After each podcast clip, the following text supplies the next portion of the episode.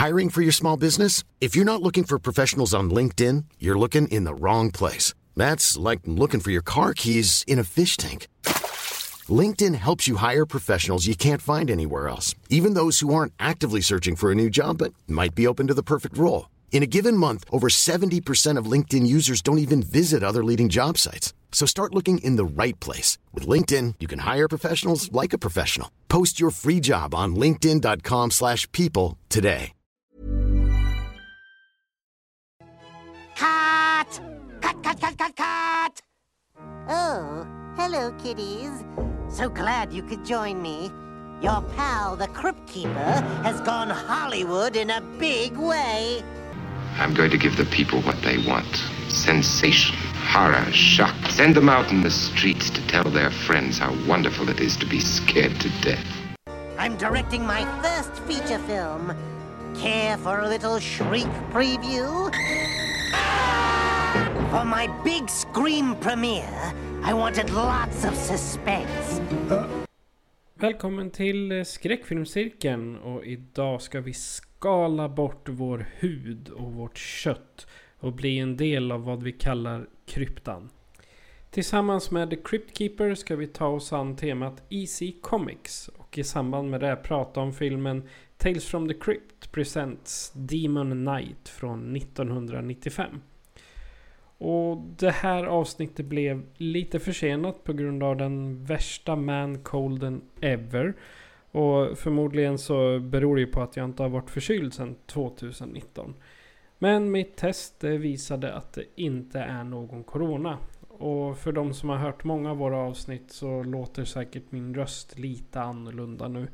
Och det beror på att mina bihålor har helt enkelt inte återhämtat sig än. Är du frisk Fredrik? Jajamensan, frisk och kry än så länge. Och fullt ut vaccinerad nu för tiden.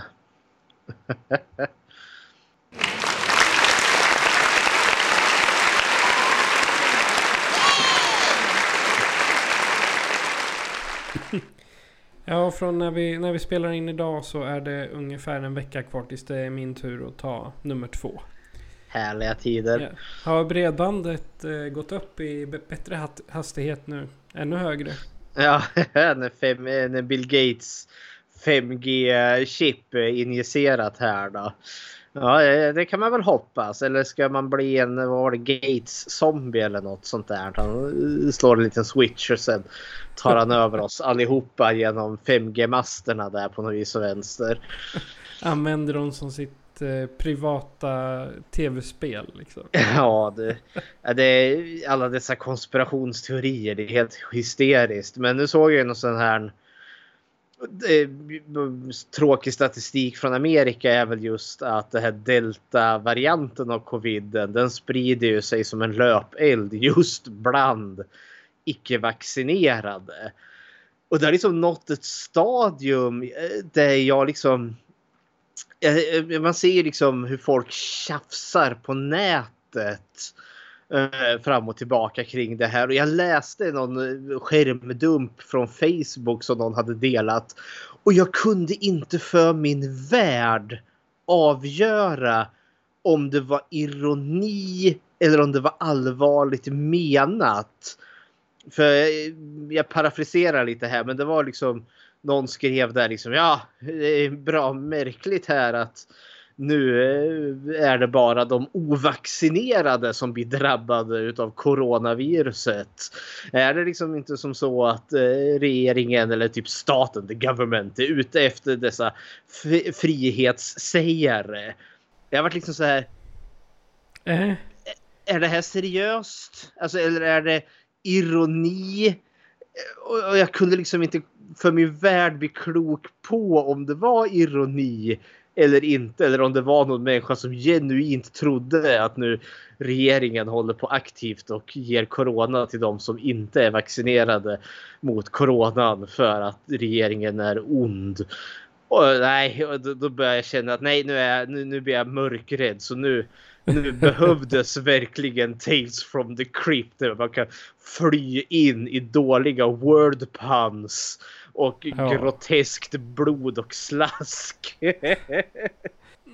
De skulle kunna använda The Crypt Keeper som presentatör. Typ bara, Welcome to the vaccination against coronavirus.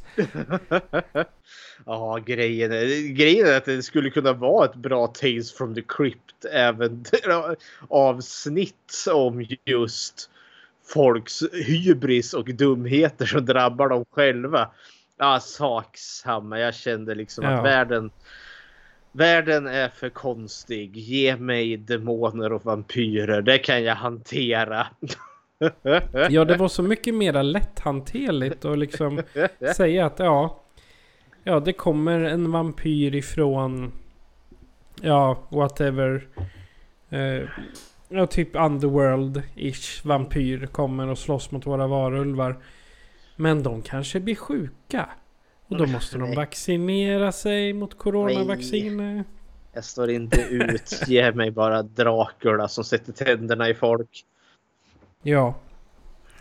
Men eh, bortsett från Corona då. Vad, ehm, jag tänkte vi har ju alla en eh, liten Cryptkeeper i oss. Kan jag tycka. Men jag tänkte vi kan i alla fall prata om vad vi har sett sen sist. Ja, Har du något skoj? jag har inte sett så mycket skräckfilm. Jag Faktum är att jag inte sett skräckfilm alls här nu. Mer än Demon Knight här då. Men jag var på bio här för första gången sen typ covid slog, kom. Nice. Eh, ja, de har ju byggt en helt och fi, ny fin filmstad här i Eskilstuna. Som hade premiär, eller skulle väl ha premiär precis samtidigt som pandemin slog till. Så det var ju en jäkla otur för dem.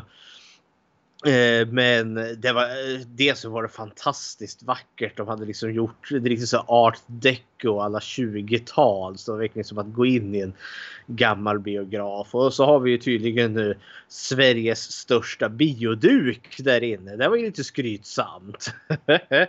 Men jag gick och såg den här Black Widow eh, superhjältefilmen från Marvel och jag var mäkta underhålld från början till slut. Och Scarlett Johansson är ju väldigt bra skådis också. Hon är ju det. Sen var väl det kanske, det kanske var lite nostalgi också bara för att sitta i biosalongen igen. Men det var lite kul. Och eh, jag, jag gillade verkligen karaktärerna i den och sen var väl boven i den var väl lite av så här. Ja, är det Harvey Weinstein eller är det Jeffrey Epstein de refererar till? Men ja, ja, det var mycket så här sl- eh, hemsk ond gubbe som anser att kvinnor är hans ägodelar och sen kommer de och sparkar han så jävla hårt i ansiktet att glasögonen bara flyger i tusen små bitar. Så, och det, det, det var väldigt trevligt när det hände måste jag villigt erkänna. Det, det känns ju nästan lite som att det är en, en hint mot det här metoo-rörelsen. Att liksom, Ja, det, det kändes väldigt medvetet så, men på ett ganska smakfullt sätt. Nej, jag tyckte den var jättebra. Jag har haft väldigt mycket superhjältar här på sistone för jag har kollat klart på eh, Loki på Disney Plus också. Också mer Marvel här. Och där håller de ju verkligen nu på att bygga upp vad som antagligen ska bli eh, vad filmerna ska handla om. Nu är det liksom nu när Thanos är död och begraven. Vad ska bli nästa stora liksom jätteevent som kommer involvera allihopa? Jaha, ja men det. Vi fick parallella universum där i Loke. Så ja, va- varför inte? Eh, sen håller jag ju på att läsa en sommarkurs as we speak. Eh, och då håller jag i för Linnéuniversitetet. Jag håller på att läsa om då just kvinnliga superhjältinnor. Och vi har rört oss från typ 70-talet in till modern tid. Nu har vi nått modern tid så nu har jag haft jag har sett och glott på en hel del superhjältefilmer här. Men jag var tips, eh, jag var tipsad, eller jag tipsade i kursen så skulle vi se Eh, en film som jag inte hade sett förut som hette The Old Guard. Alltså de gamla väktarna som fanns på Netflix. Kom väl ut förra året. Och det var, oj vad överraskad jag blev. Det var en väldigt vuxen, eh, vad heter det, superhjältefilm. Det var väldigt blodigt, väldigt rått. våld i den. Men storyn var väldigt simpel egentligen. Alltså det är några människor, de, de dör inte rätt och slätt. Du kan meja ner dem, liksom skjuta dem i huvudet men kroppen liksom läker sig lite som Wolverine. Men du går ju ner för stunden i alla fall men så kommer de tillbaka. Och så är det då ett gäng där då som har levt olika länge men det är liksom den äldsta är kanske tusentals år gammal och den yngsta är väl kanske typ 600 eller något sånt där. Bara. Och så har de, bara, och så har de då farit omkring genom historiens lopp. Eller historiens förlopp och eh, jag inte vet, jag har gett sig an elackingar, skyddat oskyldiga. Så de har en väldigt god moral. Eh, men de har också hållit på i, alltså den äldsta har hållit på i tusentals år och börjar känna liksom bara bitterhet och förtvivlan. Alltså mänskligheten blir inte bättre. Det, det upplever det så snarare som att det bara håller på att bli värre. Och det, det gliras ganska rejält till flyktingkatastroferna liksom här 2015 och liksom hur Eh, Eh, man får se newsflash och liksom, ja, eh, de st stora länderna liksom debatterar liksom. Ja, vi kan inte ta emot och de kan inte ta emot och blattan blattan blä och liksom rasister som bara skralar och vrålar. Och eh, Medan de bara står där och suckar för de har liksom sett det här liksom i tusentals år nu. Men så plötsligt så dyker det upp en ny tydligen. För det, det är lite som Highland. Jag kunde inte låta bli att göra den kopplingen. För det, du vet i Highlander, de odödliga som slåss med svärd där, de dör ju bara när man hugger huvudet av dem. Men de måste ju dö en gång först. Det är då den här liksom abilityn kickar in och då är det en ung tjej som vi får följa som är militär då som gör sin tjänstgöring i Afghanistan eller något sånt där och de ska ta ut någon terrorist. Och så blir hon då dödad där. Hon får halsen avskuren och förblöder. Men så kommer hon ju tillbaka till liv igen. Och när det händer då tydligen så finns det någon mental connection de sinsemellan. Eh, så då inser de, aha, det har kommit en ny. Och det var inte bra för det hade de ingen lust med. Men då måste de leta upp henne och liksom, ja, ta, få med henne i sitt gäng då så att säga. Parallellt med det så är det något grisigt företag, något läkemedelsföretag i, i Storbritannien, i London. Som då har liksom, de har typ knäckt cancerns gåta. De är så jäkla framgångsrika och oj oj oj vad de gör bra grejer. Men de, de vill knäcka liksom gåtan så att vi kan leva hur länge som helst. Och de har fått nys om att det finns odödliga människor. Så de vill ju åt de här så att de liksom kan knäcka varför dör de inte genom att helt enkelt göra dem till labbråttor de ska skära och peta i dem och eftersom att de dör ju inte så kan de ju hålla på och experimentera på dem i all oändlighet. För det här liksom fina företaget, läkemedelsföretaget, de är ju liksom rika kapitalistiska svin som bara sätter vad heter det, ekonomi, liksom eh, profit före precis allting. Men så paketerar de det lite snyggt och säljer det till folk och så alla bara oh de är så snälla och goa och rara men sen typ torterar de barn i källaren. Det är ingen scen. och så blir det jättestort slagsmål och blodet står i fontäner. Det är avhuggna huvuden och hjärnsubstansen flyger och hej vad det går. Men jag gillade verkligen The Old Guard. Eh, jag gillade också att de hade ett väldigt trevligt hbtq-par. Eh, som Eh, två av de odödliga. Den ena var tydligen en korsriddare och den andra var liksom ja, en, Eh, Eh, ja, han tjänade väl Saladinen där. De träffades på slagfältet i, under korståget där. När de slog ihjäl varandra. Och sen insåg de väl att de älskade kanske varandra lite. För de hade tydligen slagit ihjäl varandra flera gånger eftersom att de var fiender. till en början. Så insåg de väl att de kunde ju inte slå ihjäl varandra. Sen fick de väl lära känna varandra så vart de förälskade. Nå, så mysigt. Och sen love, eller vad man säger. Ja, tough love. Men det var, alltså, det var en väldigt välskriven berättelse med väldigt trivsamma karaktärer. Plus också att det här liksom väldigt, alltså rated R-våldet i den. Ja, men typ som Deadpool eller typ Logan. Alltså det gjorde sitt till också för liksom, ja men som Black Widow eller Loki som jag sett. Alltså det är ju våld i den men det är väldigt blodsbefriat våld. Och det här kändes lite mer vuxet och tog ut svängarna lite mer än vad typ Disney-filmerna klarar av att göra. Men jag kan verkligen rekommendera The Old Guard för det tyckte jag var väldigt kul. Men det är vad jag har sett som är värt att nämna. Okej. Okay. Jag har inte tittat på så mycket. Hör och häpna. Trots att jag har legat eh, däckad så har inte jag tittat på så mycket TV. Jag har däremot lyssnat och läst ganska mycket bok. Mm. Då har jag börjat läsa eh, David Baldaccis serie om eh, Kamelklubben. Vad hette den sa du? Kamelklubben heter den. Kamelklubben? Är, ja. Det handlar om eh, en person som heter, han kallar sig för Oliver Stone. Mm -hmm. han, är, han jobbar på en kyrkogård där han också bor. Han är typ konspirationsteoretiker.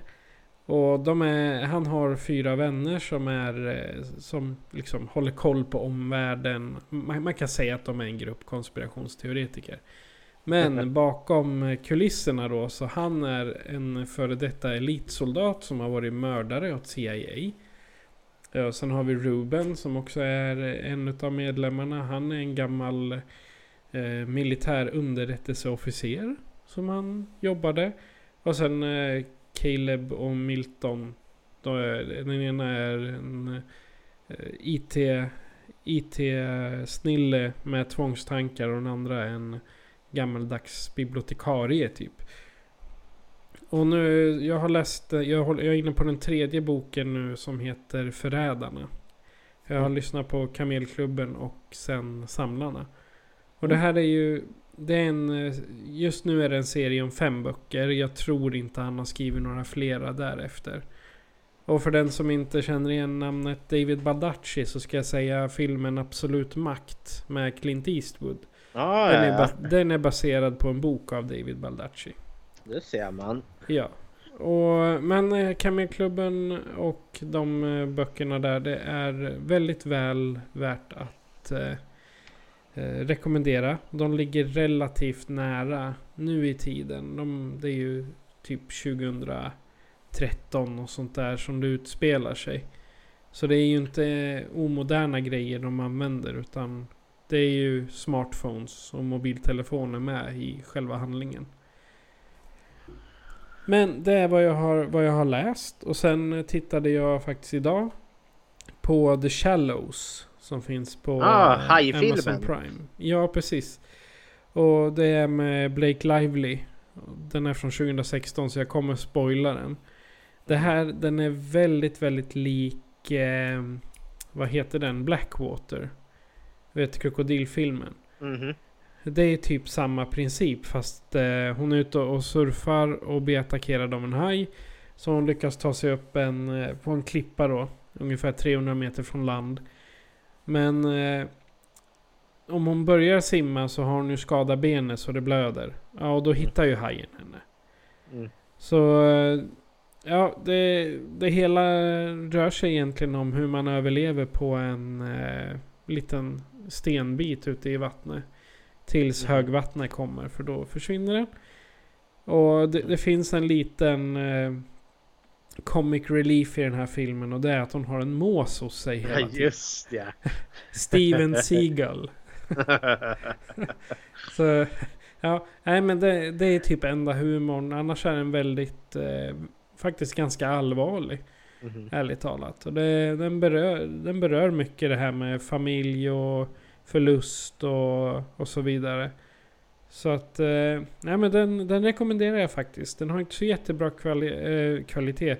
Så, så jättebra rating på IMDB, bara 6,3. Så att, men mm. eh, jag skulle säga, gillar du djurskräck som typ Hajen, Blackwater och de filmerna. Då är mm. The Shallows definitivt och, och någonting man ska se det jag gillar med den är ju som att just att den seriös, alltså hajskräckis. Och när jag, när jag säger seriös då menar jag liksom att vi har ju så många liksom Sharknados eller Landshark eller Snöhajen eller Hushajen eller liksom. Det, det, det är ganska, det finns ett hav utav så här medvetet trashiga hajfilmer. Och The Shallow handlar ju egentligen inte så mycket om hajen egentligen utan det är ju mer hennes liksom resa uh, mot överlevnad och hajen är det stora hotet där. Sen tyckte jag den var ganska välgjord. Uh, för jag, jag kommer, kommer ihåg jag såg den här på bio faktiskt. Uh, sen finns det ju så här logiska fel som jag störde mig jättemycket på med den. Och den som jag har så svårt att komma över. För vad är det? Det ligger en död val. Där. Det är det som hajen håller på och slaskar på. Ja. Eh, och så kommer hon lite för nära och hajen liksom ja, tar sig en litet bett på henne där. Och sen liksom ligger den och håller liksom på lurar på henne på den där klippkanten. Och jag satt och störde mig på Alltså den, det ligger en död val. Jag tänker hajfan hade nog bara skitit i henne och bara slaskat den där valen. Ja, men jag, det, det jag reagerar på är också att blir den aldrig mätt?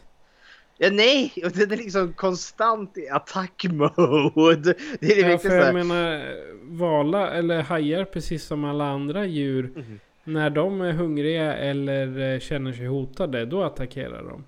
Nej, för jag, jag kommer ihåg just för jag hade sett en Discovery dokumentär just där de hade filmat. De hade något team som hade hittat en död val och hajarna och då var det just vithajar och då liksom, de gick ju dit och det var liksom feeding frenzy.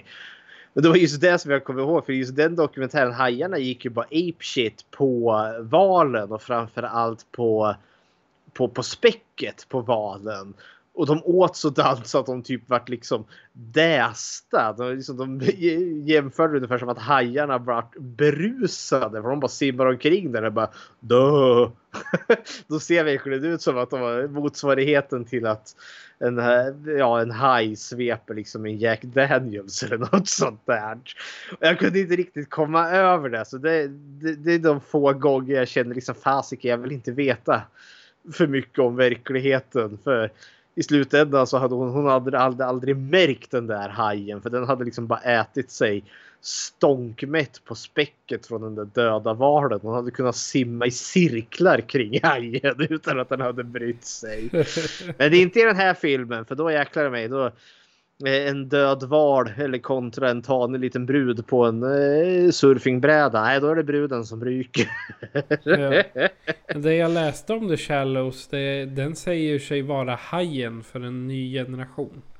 Ja, men jag kan köpa det liksom också för den är den är spännande och eh, den tar ju verkligen den här överlevnadsaspekten utav den här berättelsen på ganska stort allvar och det blir ju verkligen en triumf när hon, hennes plan väl går i lås och hon lyckas faktiskt ta sig därifrån och sättet hon överlever hajen eller snarare sättet hur hajen dör tyckte jag var spektakulärt och väldigt pulshöjande.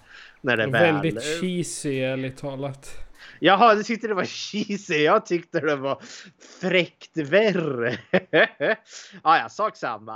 Eh, The Shallows är ändå som väldigt bra film. Men det är, alltså det är ju ingen eh, ny Hajen. Men jag har svårt att se att någon film skulle lyckas kunna trumfa Hajen. Nej, ja, ja. nej det, det, är det inte. Men eh, The Shallows är ju typ... Jag skulle snarare säga att den är Deep Blue Sea Fast eh, ännu nyare. Ja, jo, det kan jag hålla så. med om. Ja. Okej, okay, ja, men det är vad jag har sett som är värt att nämna. Mm. I alla fall. Idag så är temat Easy Comics. Och eh, jag vet bara om eh, serien Tales from the Crypt. Men jag kan mm -hmm. inte mhm. så mycket mer om det. Så jag överlåter vidare berättelse till dig. Ja, vi skuttar in i tv-serier. Det var lite passande vet jag, att snacka superhjältar här för det är ju väldigt mycket förknippat med serietidningar. Alltså serier i sig har väl funnits ganska länge. Alltså det ända sedan liksom man började trycka alltså tidningar. Eh, eh, så har man liksom alltid haft eh, gärna lite sån här skämtruta eh, Eh, med liksom en liten rolig liten satirtext eller något sånt där. Eh, och sen jag menar så har ju det liksom utvecklats till liksom kanske lite längre seriestrippar men sen vart ju liksom eh, på 1930-talet då i Amerika då liksom en ny form av underhållning började ta sig form i form av att man liksom gav ut serietidningsalbum. Och, och de tre stora eh, som kom, det var ju då Detective Comics, Marvel Comics och Action Comics. Det fanns ju självklart mer än så här. Men många gånger så var det här liksom alltså kortare berättelser, kanske tre, fyra styckna eh, med liksom början, mitt och slut. Eh, och det här liksom kom ju lite under den eran, alltså efter Eh, alltså under den stora depressionen i Amerika. Eh, och folk hade inte råd med så mycket men att liksom trycka lite serietidningar eh, var ett sätt liksom att tjäna pengar på dem för de var ganska billiga. Eh, och man, eh, ja, manusförfattandet och tecknarkonsten kanske inte var liksom det top notch direkt. Men det vart ju lite så här att ja men som förälder kunde jag ändå så med den ynkliga lön jag kanske hade ändå så liksom köpa med mig någon form utav underhållning till mina barn. Eh, och så blev det lite. Och eh, de här Detective Comics som jag nämnde, de är kanske mest kända för, ja, det är ju DC, Batman. Eh, Marvel Comics, det säger ju lite sig själv, det är ju det som senare blir då ja, eh, Marvel, eh, Iron Man, Hulk, Thor, Spindelmannen och så vidare. Action Comics såg ju eh, där såg ju Superman, Stålmannen, sin debut. Eh, serie, det börjar ju verkligen liksom som en form utav alltså till billig underhållning för barn eh, under liksom depressionen i Amerika. Men sen går vi ju ifrån 30-talet och in i 40-talet. Och där har vi ju då andra världskriget som kommer där. Amerika blandar ju sig i Eh, eh, när eh, 41 tror jag det är när eh, Japan attackerar Pearl Harbor. Och då, alltså dels hade väl liksom många av de här eh, jag men Marvel och DC bland annat liksom eh, lyckas gjort sig en plattform att sälja sina billiga tidningar.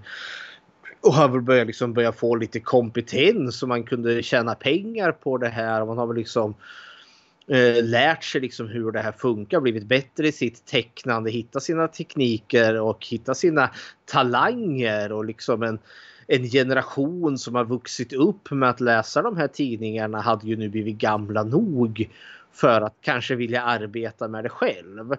Men när kriget kommer, alltså andra världskriget, ja då fyllde lite av de här eh, tidningarna också en propagandafunktion. Alltså då började man medvetet alltså göra serietidningarna liksom eh, lite mer vuxna Alltså de var ju verkligen till för att skicka till soldaterna eh, på, på fronten.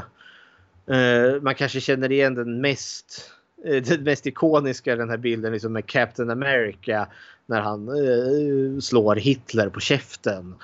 Där. Men du hade ju mycket så här Batman och Robin som är liksom i frontkriget. Du har liksom Stålmannen som slår sönder liksom pansarvagnar med svastikor på. Eh, så ja, hepp. Så, så det, och de här liksom vart ju ganska populära Eh, för jag menar det var ju ett sätt liksom att förströ ja, dels tristessen men också kanske eh, kanalisera sin, sin rädsla, eh, kunna fly från verkligheten. Eh, ja, från det hårda liv att vara liksom en stridande soldat i krig faktiskt innebär för en människa. Så när, när kriget väl tar slut 45 där eh, och soldaterna kommer hem, ja men då har du ju liksom en marknad för både vuxna och barn. Men också en, ja tidningarna är liksom inte uteslutande för barn. Och i denna, där vi befinner oss då, har vi då EC Comic eh, som kommer till. Eh, och eh, EC Comic, eh, deras grund eh, de var inte bland de stora egentligen utan de, de hade liksom det var The All American Publication tror jag de hette liksom i sin absoluta eh, början någon gång på 30-talet där. Men som senare 1944 vart som ett form av dotterbolag eller vart väl fick man någon finansiellt stöd från just DC, Detective Comics, du vet de som gjorde Batman. Eh, och eh, då eh, 1944 då fick de det stöd de behövde och startade då EC Comics som då vart Education Comics. Och deras absolut första publikation var då egentligen alltså en serieadaption utav Bibeln. Alltså Bibelns berättelser. Som då var då till för ja, men att sprida i skolan bland annat.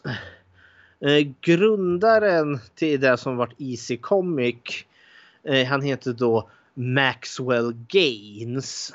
Eh, men kallades väl bara för Max Gaines. Eh, och eh, ja, så 44 så började de göra då Educational Comics. De, de, eh, vad heter det? Education, vad översätter man det till? Undervisande. Utvisande eller under, undervisande. Utvisande. Ut, utvisande. ja, undervisande eller eh, lärande om man ska säga. Ja, det var väl kanske lite det som var grunden, eller tanken med Easy Comics där då. Eh, men som sagt, 44 har de då sin start. Men Maxwell Gaines, han dör ganska strax därefter, 1947 i en båtolycka vid en ålder utav 57 år.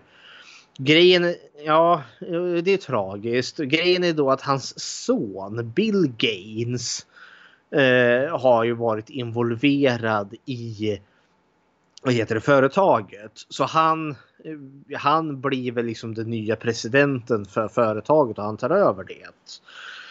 Eh, och han gör väl det liksom lite på ett annorlunda sätt. Alltså han har väl kanske inte riktigt haft samma vision men han bygger upp eh, IC Comic på ett annat sätt. Och eh, de byter namnet från Educational Comic till, nu ska vi se, eh, en Entertaining Comic.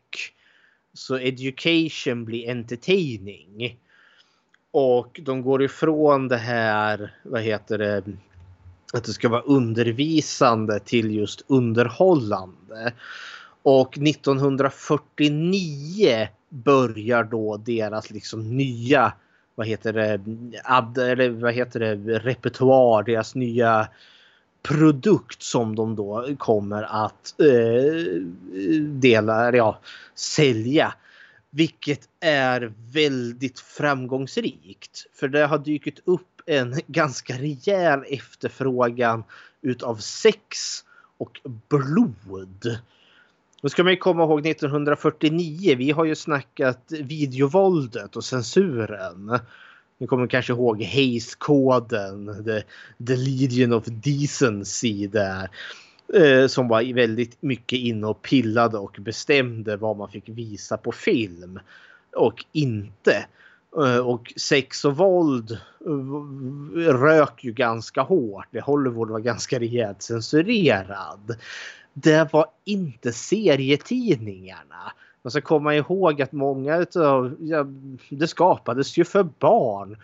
Men de här barnen växte ju upp. Du hade andra världskriget och soldaterna och hade helt plötsligt en mycket mer vuxen publik. Och serietidningarna kom att bli mycket mer vuxna.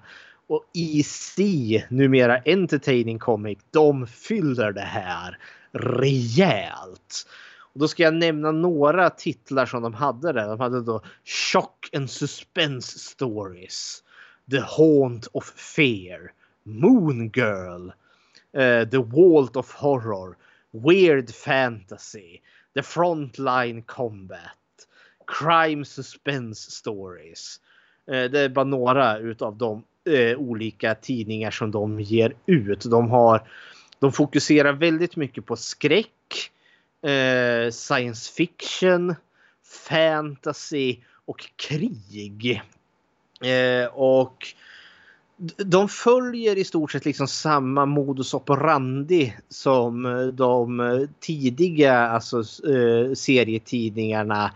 Alltså Action Comic, Detective Comic och Marvel Comic med att det är kortare, kanske typ fyra korta berättelser eh, fristående från varandra eh, i en och samma tidning istället för kanske en enda berättelse som vi kanske är vana vid idag. Och ja, egentligen, jag tänker serietidningar vi har i Sverige, det är väl Fantomen kommer jag att tänka på. Och där har du också kortare berättelser. Det brukar vara en Fantomen-berättelse och sen där några sidoberättelser eh, och någon Herman Hedning där på slutet eller något sånt där. det var tusen år sedan jag såg Herman Hedning. Dock utav alla de som de gav ut så var det en tidning då som kom att sticka ut mer än alla andra i och med att den vart mest populär. Och det är ju då ja, Tales from the Crypt. Och Tales, Tales from the Crypt då, det är ju då en, skrä, alltså en skräckantologi i serieformat. Eh, och eh, alltså i serietidningsformat. Eh, och de hade sin liksom väldigt säregna lilla prägel till sig. Det var i regel typ tre, fyra korta berättelser. Och de här berättelserna var alltid egentligen vad man kan kalla för typ Kamappens story, alltså en berättelse om där folk eh, får vad de förtjänar. Det är i regel liksom ganska otrevliga kriminella människor. Vi får följa någon som begår ett brott eller som har, är väldigt elak och ogin. Som då möter sig då ett väldigt eh, ja, passande öde. Eh, är det typ, ja men den, den hemska maken som mördar frun för att komma åt arvet.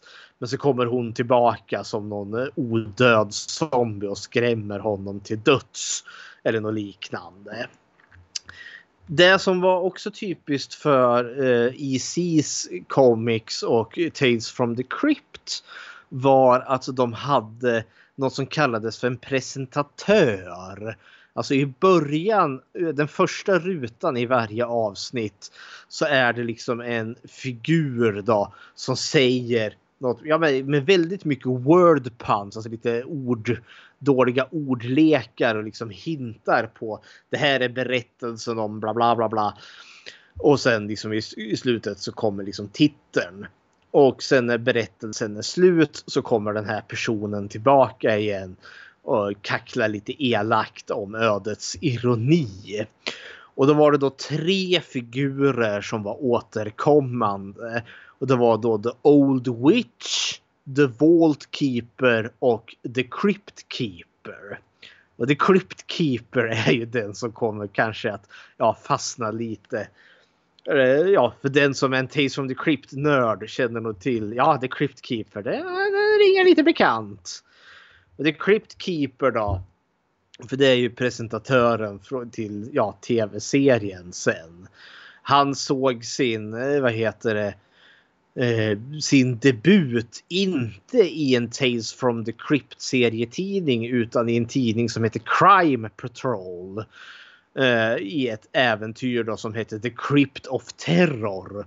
Där The Crypt Keeper dyker upp för första gången.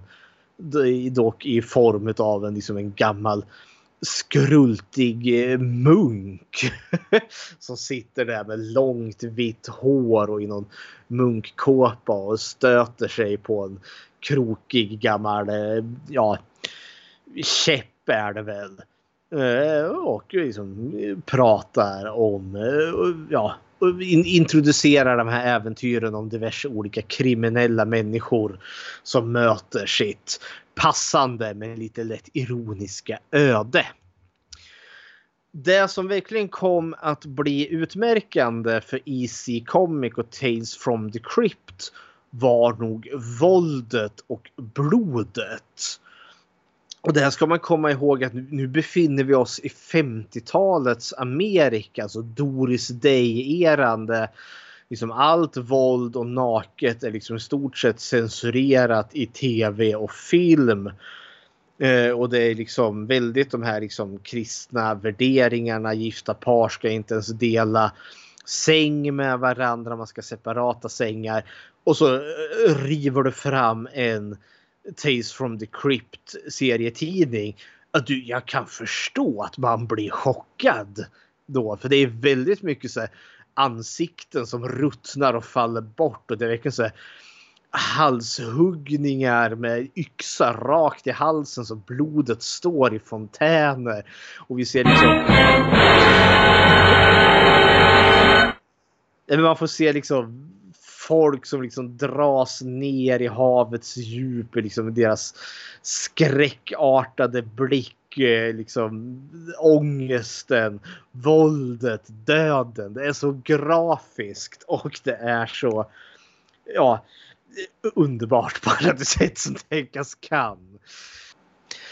Eh, och dessa tidningar var ju eh, seriöst populära. För, eh, liksom både hos en vuxen och en eh, ung publik. Och man ska ju... Alltså det här är tidningar till för vuxna, helt klart.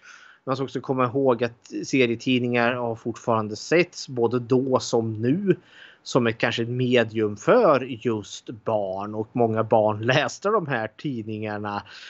Eh, och det kom att få konsekvenser. Eh, precis som i filmvärlden hade vi ju Hayes-koden där. Så kommer det att eh, ske något liknande även för serietidningar. Hayes-koden kom ju till på 30, tidigt 30-tal. Men här på 50-talet, ja då har ju liksom de här tidningarna fyllt det här kanske behovet utav våldet och de här kanske lite mer vuxnare berättelserna. För allt är inte bara våld utan det är liksom kan ju vara liksom berättelser om ja men komplexa karaktärer eh, som inte nödvändigtvis har ett lyckligt slut. Men eh, den här Eh, Easy Comic framförallt och Tales from the Crypt serietidningen kommer ju att möta eh, motstånd och det leder ju då till en moralpanik. Framförallt eh, en person som kommer bli väldigt drivande i den här moralpaniken är då en man som då heter Frederick Wertham. Eh, som då skrev en bok som heter då The Seduction of Innocent. The Influence of Comic Books and Today's Youth. Alltså serietidningarnas påverkan utav dagens ungdom. En förförelse utav oskulden. Uff, det är ju ganska fläskigt eh, titel där. Eh, så vem är då den här Fredrik Wertham? Eh, Fredrik Wertham är då en eh, psykolog, eller han var en psykiatriker född i, i, i, Tyskland men kom sen då att emigrera till USA. Bland annat liksom, ja, men, ja, som, ja, men som Albert Einstein för att fly undan nazismen. Han är född 1895 och han dog 1981 så han var ganska gammal han. Och han eh, vad heter det, hans eh, område utav ex expertis var just psykologi bland barn. Uh, och nu, nu, alltså Fredrik Wertham är kanske inte den ensamma figuren som har liksom saboterat allt vad, uh, vad heter det, uh, serietidningar heter. Men han kom onekligen att bli eh, ett, liksom, en väldigt bra tillgång för dem som ville liksom, ge sig an just, eh, vad heter det, eh, våldet och omoralen i, i, i eh, serietidningarna.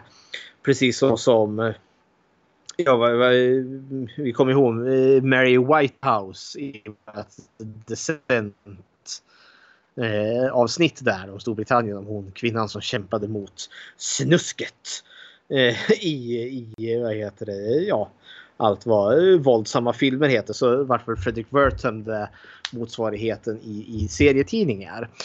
Och grejen är att han kommer med ganska så ja, otäcka slutsatser som inte riktigt funkar idag. Alltså, det funkar väl inte då heller. Men alltså hans, den här Seduction of Innocence boken som han skrev. Där kommer han ju fram till att serietidningarna Alltså, ja, de gör att pojkar blir homosexuella. Det är hans slutsats. alltså jag undrar där och jag har typ 12 årgångar av kalanka i förrådet mm. hos mina föräldrar. Mm. Ja, hur, hur homosexuell tror du jag är? ja, ja. Men, har du osunda förhållanden till ankor då? Nej, nu, nu var det liksom lite fel typ av tidning. Man ska komma ihåg att Vertum är liksom inte emot all typ av serietidningar. Alltså, det är inte Disney som drabbas utav det här. Utan det är verkligen superhjältehistorierna och de här lite mer vuxnare som EC Comics eh, serietidningar. Jag har ett citat här från honom. Uh, the Batman type of story may stimulate children to homosexual fantasies of the, of the nature of which it may be unconscious. unconscious, uh, alltså undermedvetet. Så det han säger liksom att läsa en berättelse om ja, men Batman och Robin kan liksom stimulera homosexuella fantasier undermedvetet hos pojkar då. Och då var det ju då framför allt just den här relationen en vuxen man och en ung eh, ja, pojke egentligen. Och man, ja, man kan kommentera en hel del om Batman och Robin. Varför har Robin liksom kalsonger på sig? Varför? och det finns, det finns ju helt fantastiskt om man går och kollar på de gamla tidningarna där liksom, de ligger bokstavligen och sover i samma säng. Det finns mycket i relationen som går att ifrågasätta med Bruce Wayne och eh, Dick Grayson där i deras begynnelse. Det är lite, mm, lite suspekt. Men man vet ju också att serietidningarna i sig skapade ju exempelvis Robin eller The Teen Sidekick, alltså den tonåriga sidekicken till den vuxna superhjälten just för att locka en yngre publik. Eh, nu var det ju som inte bara att eh, fasa att du läser Batman och Robin och så blir du i hemlighet bög utan att du vet om det. Eh, utan han hade ju väldigt starka åsikter gentemot liksom kvinnliga superhjältinnor. Som Wonder Woman framför allt. Eh, ja, men det, och det här är också så här liksom som man blir mörkrädd när man eh, hör det. Utan det är ju alltså Wonder Woman, hon är en stark och självständig kvinna och flickor ska inte uppmuntras till ett sånt beteende. Man ska komma ihåg liksom Amerikas eh, 50-tal. Det är ju verkligen den här. Ja men kvinnan är ju husfrun. Eh, som, som tar hand om hem, hus, hem och barn. och som liksom står framför spisen och väntar glatt på makens hemkomst. Mannen är ju den som för ekonomin i hushållet och hon är den som sköter hushållet. Eh, Wonder Woman och andra kvinnliga hjältinnor eh, kunde ju uppmuntra flickor till att ta sig an de mer manliga yrken. För liksom att vara manligt aktiv. Och det var väldigt negativt. Det... Eller, eller kanske komma underfund med att de har en egen vilja. Ja, alltså det här det här är ju gammalt. Jag menar Fredrik Wertham är inte den som har myntat det här begreppet. Eller om de här liksom den här kvinnosynen. Utan han är en utav väldigt många. Men just i och med att han är faktiskt en legitimerad barnpsykiatriker och en ganska bra sådan så får ju det här ganska rejält mycket tyngd. Och det får faktiskt rejäla konsekvenser. Eh, för det blir faktiskt, det finns lite otäcka bilder just där man gör inom situationstecken bokbål. Fast då är det då serietidningsbål. Där liksom man, man är upprörda föräldrar och liksom man har gått liksom, man ställer de här ja, ja, men, vad heter affärerna som säljer dessa tidningar till svars. Det här är oförsvarbart. Nu samlar vi ihop barnens Eh, alla samlade tidningar och så lägger de i stor hög och så tänder man eld på dem. Självklart är det inte det här samma sak som bokbålen i nazist-Tyskland. Eh, men det finns kanske en, en, en, liten del utav det om inte annat. Men det är just också det här att det är rädslan som kickar igång hur folk beter sig här. Och just hur liksom de jag låter sig liksom skrämmas på det här sättet. Som gör liksom att man liksom, ja men nu bränner vi alltså genuint ja, tidningar och kräver censur. Vi får liksom en klassisk moralpanik. Eh, och resultatet av den här moralpaniken är då att vi får någonting som heter eh, The Comic Code Authority. Eller Authority. Eh, som då är som en form utav lämplighetsstämpel. Eh, för grejen är, för det här är väldigt likt Hayes-koden. För Hayes-koden var ju verkligen det är ju en juridisk lag som gjorde att filmer inte fick visa alltså sex och våld. Men det var just det där att eh, de filmer som inte vart godkända av Hayes-koden vart allt som oftast ganska rejält bojkottade och fick liksom smutskastningskampanjer vilket ledde till att eh, filmbolagen förlorade pengar på det. Och det vart samma med serietidningarna och de återförsäljare till serietidningarna. Vart de inte, fick de inte den här stämpeln The Comics Code Authority, liksom Seal of Approval. Ja, då visste vi att det här var ju en äcklig och ogudaktig, liksom omoralisk serietidning. Och den försäljare som säljer de här typerna av tidningar, det måste ju vara en skum jäkel som vill sälja sånt här snusk till mina barn. Nej, den där butiken kan vi inte gå och handla i något mer. Alltså, han är säkert homosexuell också. Ja, eller, ja men det, det blir... Det, det spär ju in liksom dåtidens fördomar eh, som kör liksom det här ganska hårt. Och det drabbar liksom verksamheten ganska hårt. Eh, så folk liksom slutar ju liksom köpa in de här serietidningarna och det är ju ett stort slag mot serietidnings eh, alltså DC och Marvel och EC bland annat. För de måste ju försöka anpassa sig så att de kan liksom får den här koden, the seal of approval, så det blir en form av självcensur.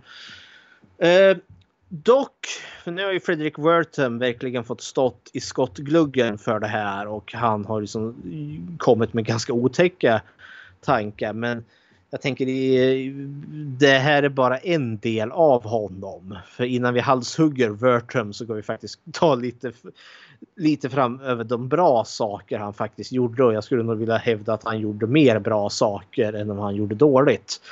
Vertum eh, var väldigt mycket emot segregation. Alltså eh, mot, eh, man tydlig förespråkare mot den väldigt öppna rasism som fanns i Amerika. Och han var ju också en barnpsykiatriker och han kämpade framför allt liksom med just minoriteter i Amerika och forskade liksom på liksom vad, vad händer med just ja, men, de mörka barn som tvingas leva i getton som blir vräkta stup i ett med poliser som kommer och misshandlar deras familjer kors och tvärs. Liksom just att, att mörka personer behandlas som andra klassens medborgare. Det var han liksom en of, eh, oförtröttlig för, alltså kämpe för deras rättigheter och han är ju med i medborgarrättsrörelsen. Han träffar Martin Luther King och han startade också något som hette The Lafagre klinik. Alltså The Lafagre, ja en klinik. som The Lafag. Nej, inte The Lafag utan La, Lafagre. Det är väldigt franskt. Jag är helt värdelös på att uttala, på att uttala namn som inte Sven och Frida. Nej, Nej men, du, du är men, så svensk så du kan inte prata franska. Det. Nej, så är det. Nej men alltså han, han, eh, han, han kämpar ju liksom, han, han gör kliniker, alltså rätt och slätt liksom doktorskliniker där han behandlar då ja, men personer som har mörk hudfärg. För man i segregationens USA kunde du ju nekas sjukvård bara just på grund av din hudfärg. För en ljus människa skulle ju inte behöva umgås med en mörk människa och sådana saker. Eh, och en annan grej så var att han var, han var med i eh, rättegången mot Albert Fish, den här förfärliga seriemördaren som, gav, som mördade barn. Eh, som kanske också är vida känd för att när han vart avrättad i elektriska stolen så kortslöt han den eftersom att han hade liksom kört upp en jäkla massa nålar i rumpan som man var tvungen att eh, vad heter det, ta bort med kirurg. Eh, alltså operera bort innan man kunde avrätta han igen. Han var med i rättegången mot honom. Där, då, där han kunde liksom ja, vittna om att Eh, Eh, Albert Fish var helt klart sjuk i huvudet.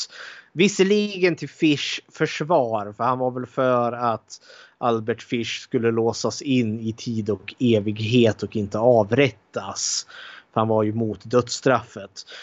Men och Fredrik Wertham närmare slutet av sitt liv reviderade också alltså sina åsikter kring de här serietidningarna. Eh, och erkände väl också att han hade väl lite för, förhastade slutsatser. Men han ska också ha kritik för den här boken Seduction of Incense visar sig att den var inte riktigt schysst gjord. Han var inte riktigt sanningsenlig i de fallstudier han hade gjort. Alltså han var sann på det sättet att fallstudierna hade hänt. Men han typ klippte och klistrade lite så en pojke visade sig vara egentligen sex olika pojkar. Men han klippte liksom bara, ja men det, oh, det här är en slaskig detalj från den här liksom så han verkligen fick ihop en sån riktig snyft och katastrofhistoria om någon stackars pojke som då vart bög och galen efter att ha läst serietidningarna där då. Så, alltså det där är lite ja. som eh, under videovåldsdebatten när de tog ja. upp det i tv. Att han, de plockar in två ungar som som dessutom, ja, de, de fick ju inte betalt men de sa ja för att de ville vara med i tv. Jag menar de plockar ja. in ungarna och så får de fram den eh, där de vill ha till tv-kamerorna.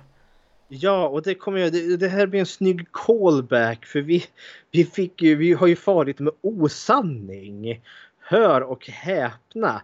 Vi sa ju det i, i det här videovålds, det var, det var ju Sivert Öholm. Eh, som höll, men det var ju inte han. Utan det var ju någon annan fnissnisse som jag nu inte riktigt kommer ihåg vad han hette. Oh, Ja, eh, för vi fick ju. vi fick ju i vårat eftersnack här kom ju eh, Tony här. Stort tack till dig Tony som rättade oss här eh, i vårat, eh, vad var det, mm, Decent avsnitt i Storbritannien. Jag läser upp här. Bra avsnitt. Bara en liten rättelse. Det var Göran Elving som levde ledde tv-programmet Studio S, inte Sivert Öholm. Han ledde svar direkt, men det blev, han blev dock ansiktet utåt för moralpaniken när han ledde hårdrocksdebatten i det programmet. Så hepp. Så. Ja, okej okay då. Rätt ska vara rätt. Det var inte Sivert Öholm, men ja, det hade lika gärna kunnat varit han kan jag tänka mig också. ja, jag menar typ eh, plus och där ja. det är ju... Det, de, är, de är så lika, det är liksom samma princip. Kritisera allt som händer runt om och så spolar vi ner det. Ja. Typ. Men, som med, med, med, men som med Fredrik Wertham, det, det är ju väldigt enkelt att göra honom till den stora skurken eh, när det kommer till censuren utav serietidningarna och där har han en stor skuld helt klart.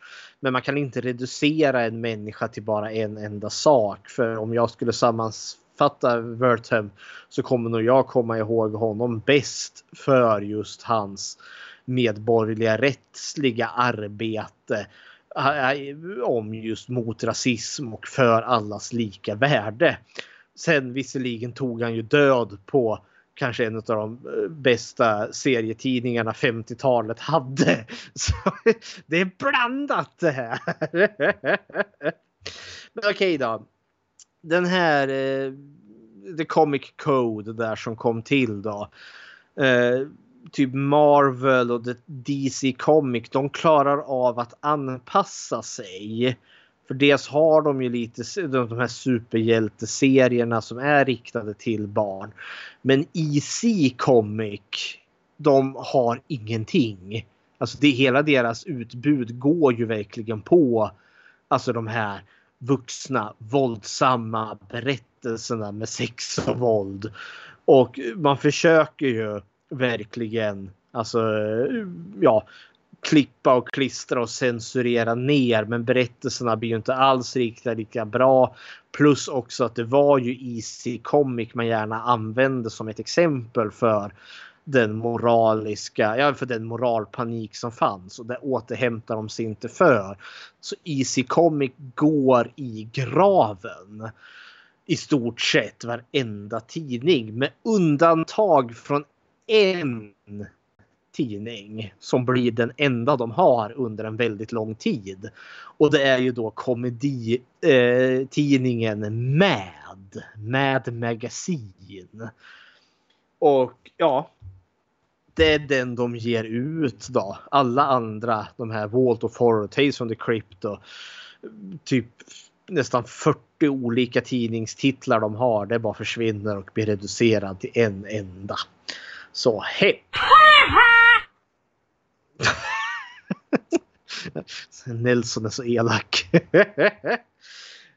Men då går vi liksom in i, alltså, i filmerna för nu är det ju 50-talet eh, alltså när det här händer och det, det är ju många serietidningar som knappt, alltså många överlever ju inte här och det blir ju bara de stora typ som Marvel och DC som överlever för att de har sina igenkänningsbara karaktärer som Stålmannen och Batman och Captain America och sådana saker så de kan liksom överleva på det. Eh, men tiderna går ju vidare och generationerna som läste det här växer ju upp.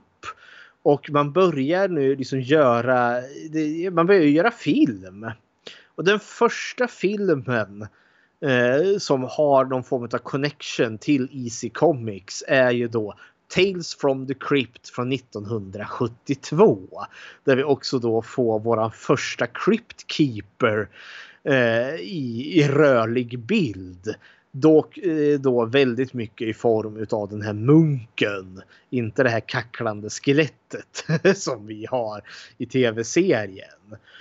Eh, Stephen King kommer ju sen Alltså han växte ju upp på en stadig diet utav Tales from the Crypt och EC Comics. Eh, och han gjorde ju också en här på tidigt 80-tal eh, en, eh, det som heter Creep Show. Det vart ju en film, antologi av det. Men det vart ju också liksom Två en serie. faktiskt. Ja, tre tror jag till och med. Men den tredje Ja. är bedrövlig. Och det har väl gjorts Jo, en tv-serie här nu också.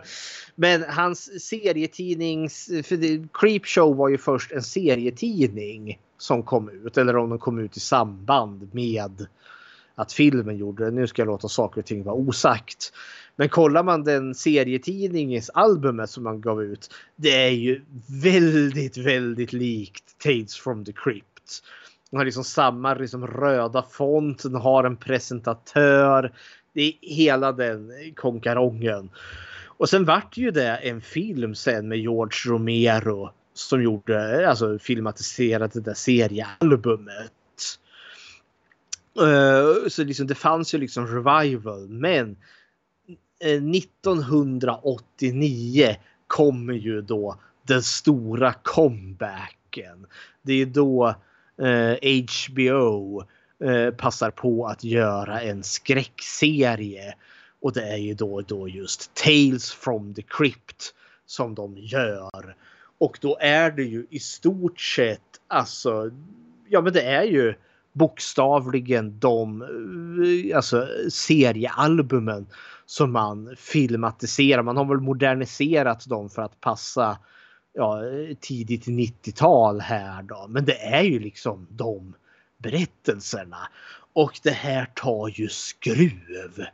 Wow! Det här är ju verkligen eh, de, ja, de come-uppens berättelserna om hemska människor som möter ett hemskt öde.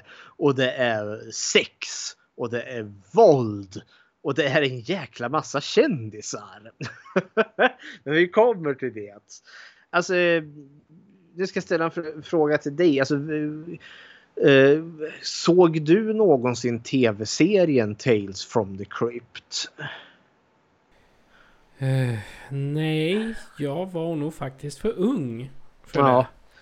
det. Jag Jag fick vara, när jag väl tittade på eh, tv i, i min ungdom, alltså det vill säga tidigt 90-tal, så då fick jag titta fram till Bullen ungefär. Ja, Sen, ja. sen, eh, sen var min tv-tid slut.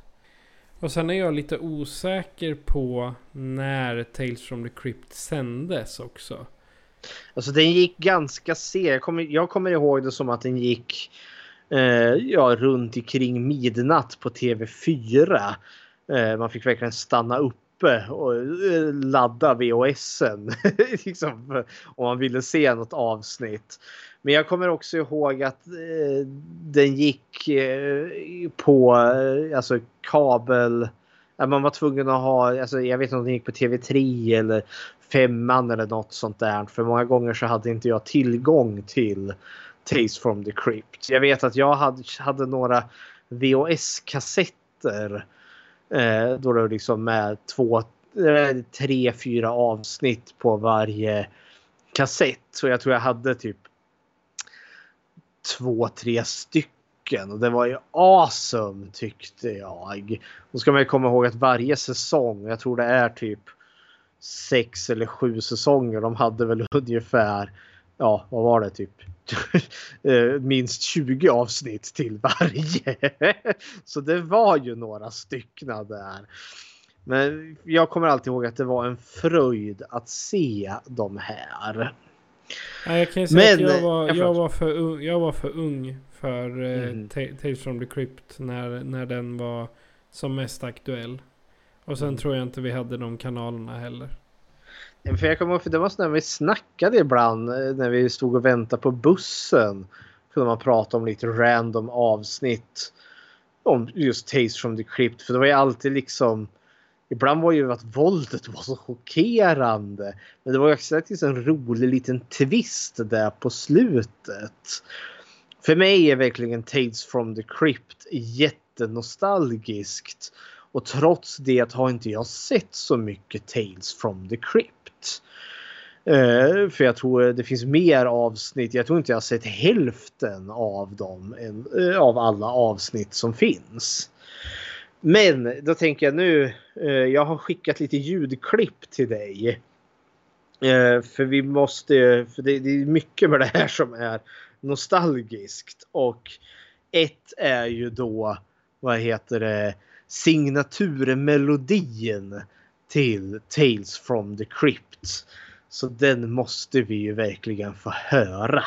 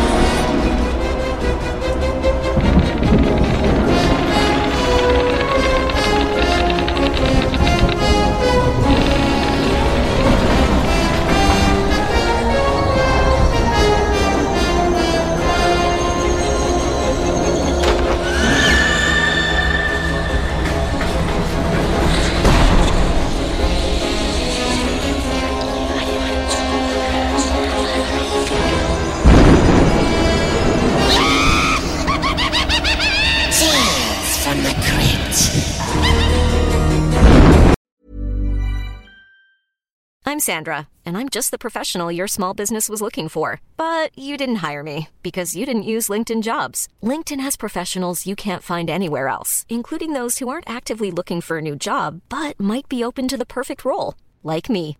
In a given month, over 70% of LinkedIn users don't visit other leading job sites. So if you're not looking on LinkedIn, you'll miss out on great candidates like Sandra. Start hiring professionals like a professional. Post your free job on linkedin.com/people today.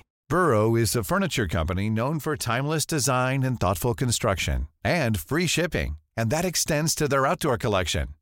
Their outdoor furniture is built to withstand the elements, featuring rust-proof stainless steel hardware, weather-ready teak, and quick-dry foam cushions. For Memorial Day, get 15% off your Burrow purchase at burrow.com/acast, and up to 25% off outdoor. That's up to 25% off outdoor furniture at burrow.com/acast. Så, där hade vi det. Det nostalgiska, helt fantastiska lilla ljudklippet eller introt av Tales from the Crypt. Hade inte jag haft Nile City eh, in, introt som min ringsignal hade det där mycket väl kunnat vara en perfekt ringsignal, ärligt talat. Och här får vi också, vi fick ju höra kacklet där. Vi hörde ju även han lite precis i början av vårt avsnitt i trailern till Demon Knight. Men John Kassir är ju mannen som ger rösten till The Crypt Keeper. Eh, och det här är ju lite, alltså de här han är ju presentatören till varje avsnitt. Och det är ju en handdocka i form av ett liksom väldigt inskrumpnat kadaver är det väl. Eh, och eh, han är ju full med massa alltså, dåliga oh, alltså det är, vad kan man kalla lite makabra pappaskämt eller dåliga vitsar. Alltså det är, det är väldigt mycket Hello boys and, nej, boys and ghouls istället för liksom boys and girls.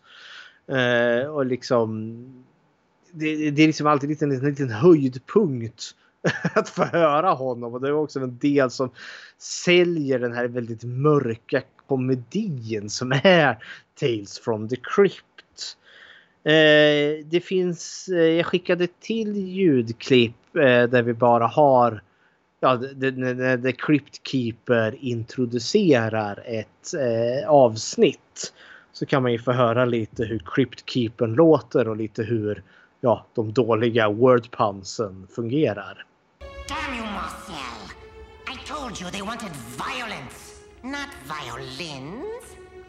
Good help is so hard to find, isn't it, kiddies?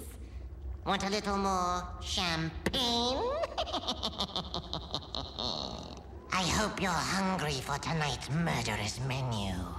It concerns a man who's discovered that the fastest way to a woman's heart is with a pickaxe.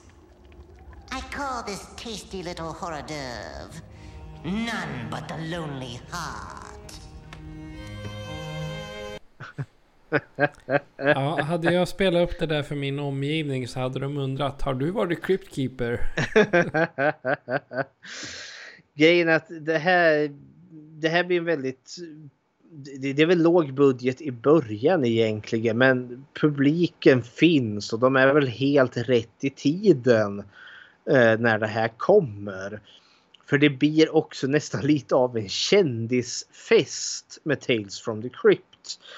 Eh, för det blir också en hel del liksom alltså kändisar, ganska stora kändisar som säger Tom Hanks och Whoopi Goldberg bland annat. Som inte är liksom förknippade med just skräck.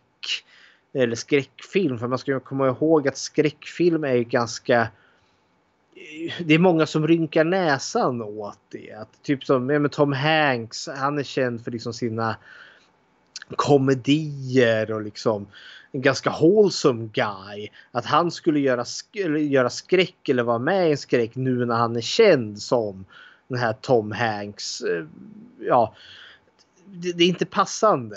Men det här var ett sätt att liksom komma undan det lite. Här kunde kändisar faktiskt vara med på ett hörn. Och liksom, ja, få göra skräck och spela med i skräck. Och det är ganska många kändisar som dyker upp. Och jag har ett ytterligare ett klipp eh, som vi har skickat som är en av introduktionerna eh, till ett avsnitt där en kändis dyker upp. Och vi introducerar inte honom för att se om ni kan introducera eller känna igen denna kändis när han väl börjar prata. Vilket jag tror att ni gör. Take it away.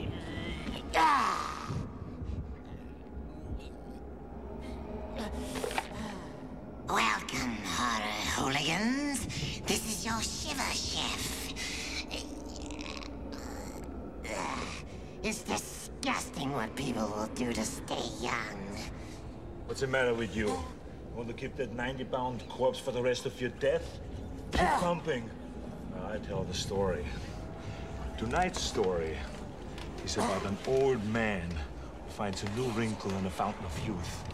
A twisted tale that we call the switch.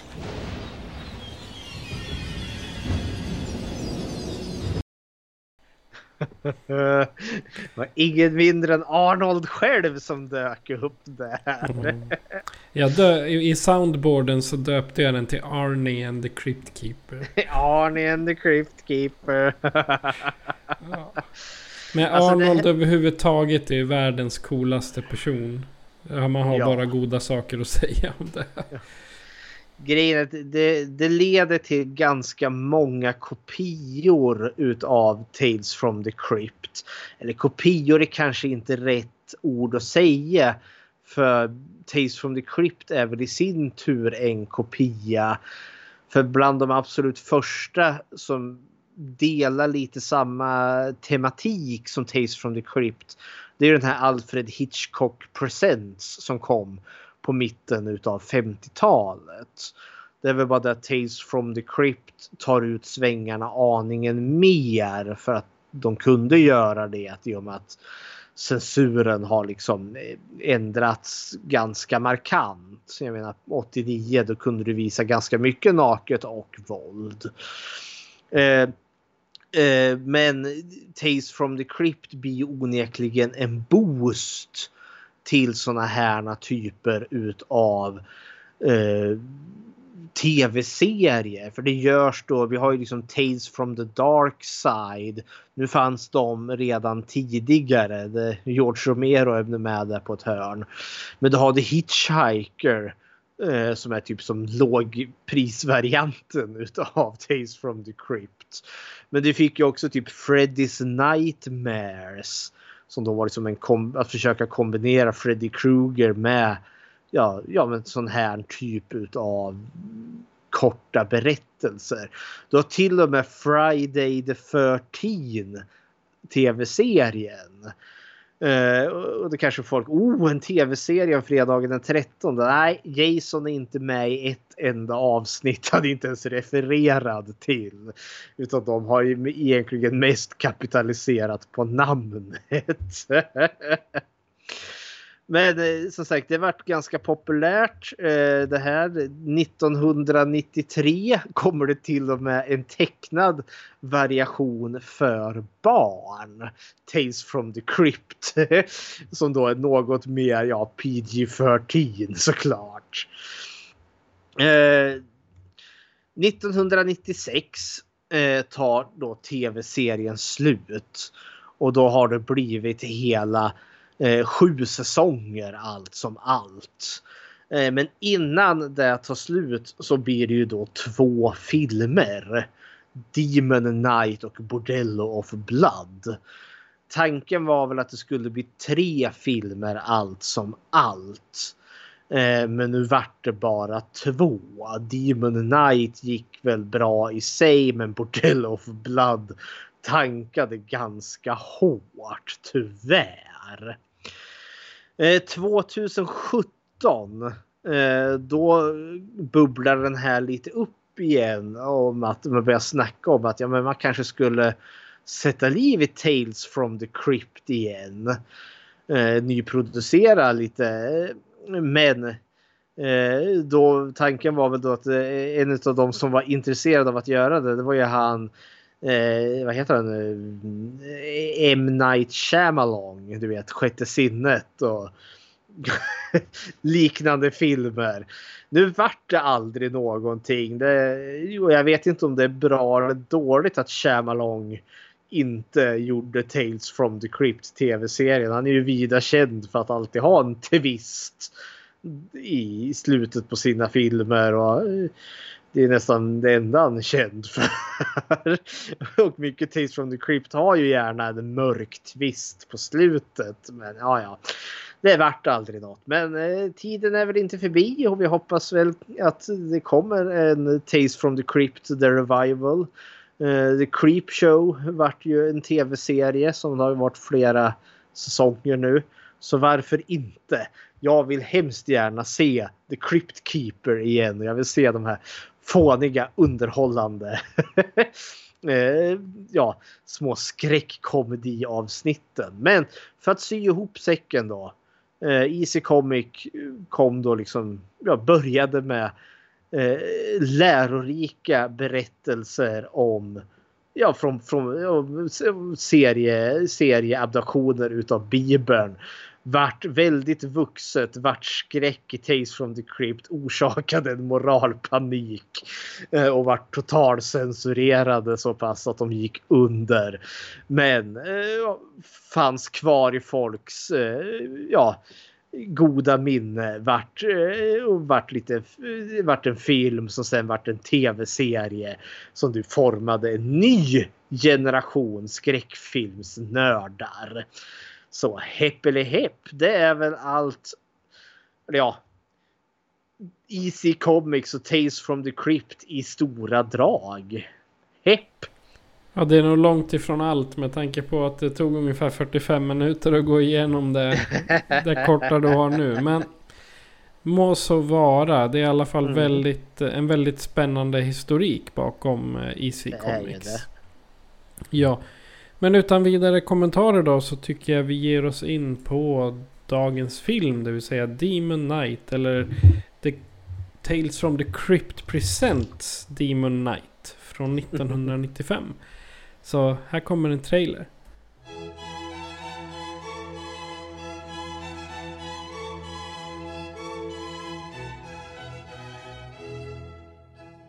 Cut! Cut, cut, cut, cut, cut! Oh, hello, kiddies. So glad you could join me. Your pal, the Crypt Keeper, has gone Hollywood in a big way. I'm directing my first feature film. Care for a little shriek preview? For my big scream premiere, I wanted lots of suspense. Uh-oh. Special effects, sex, violence. The kind of thing you could really sink your teeth into. Frights! Camera! Action! It's about a chase through the ages, a race against time. The war between good and evil. Come on out, everybody! It's time to play! And the final battle between man I'm sorry. and demon. I'm not gonna hurt you. I lied. It stars Billy Zane from Dead Calm, William Sadler from Die Hard 2, and Jada Pinkett from Menace to Society. Ooh, I love those titles. And you'll love Demon Knight. They're here! The demons are here! And ladies, if you think Demon Knight is too gross and yucky, Whoa! thank you.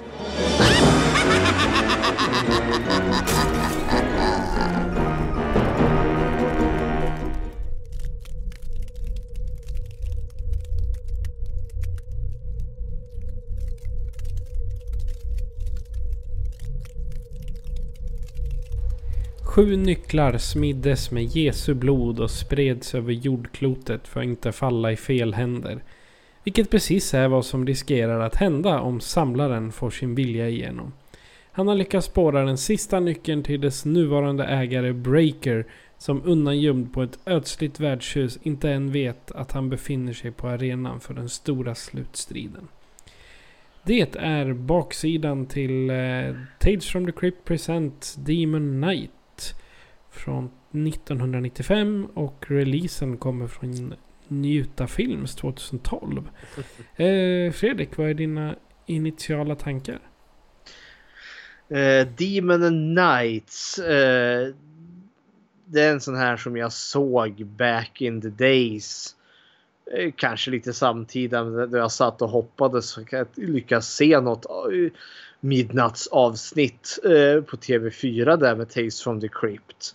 Och jag kommer ihåg att jag var väldigt underhållen utav Demon Knights. Eh, det är absolut inte en tung berättelse på några vis och vänster. En väldigt lättillgänglig berättelse. Jag tror nu när jag ser om den kanske när, i väldigt, nu när jag nästan är 40 så hittar jag desto mycket mer liksom logiska fel och de introducerar saker som de inte gör någonting med. Eh, och det känns som att ja, det, det var nog kanske liksom inte den mest tajtaste filmproduktionen. Eh, som jag inte noterade när jag såg den här som tonåring.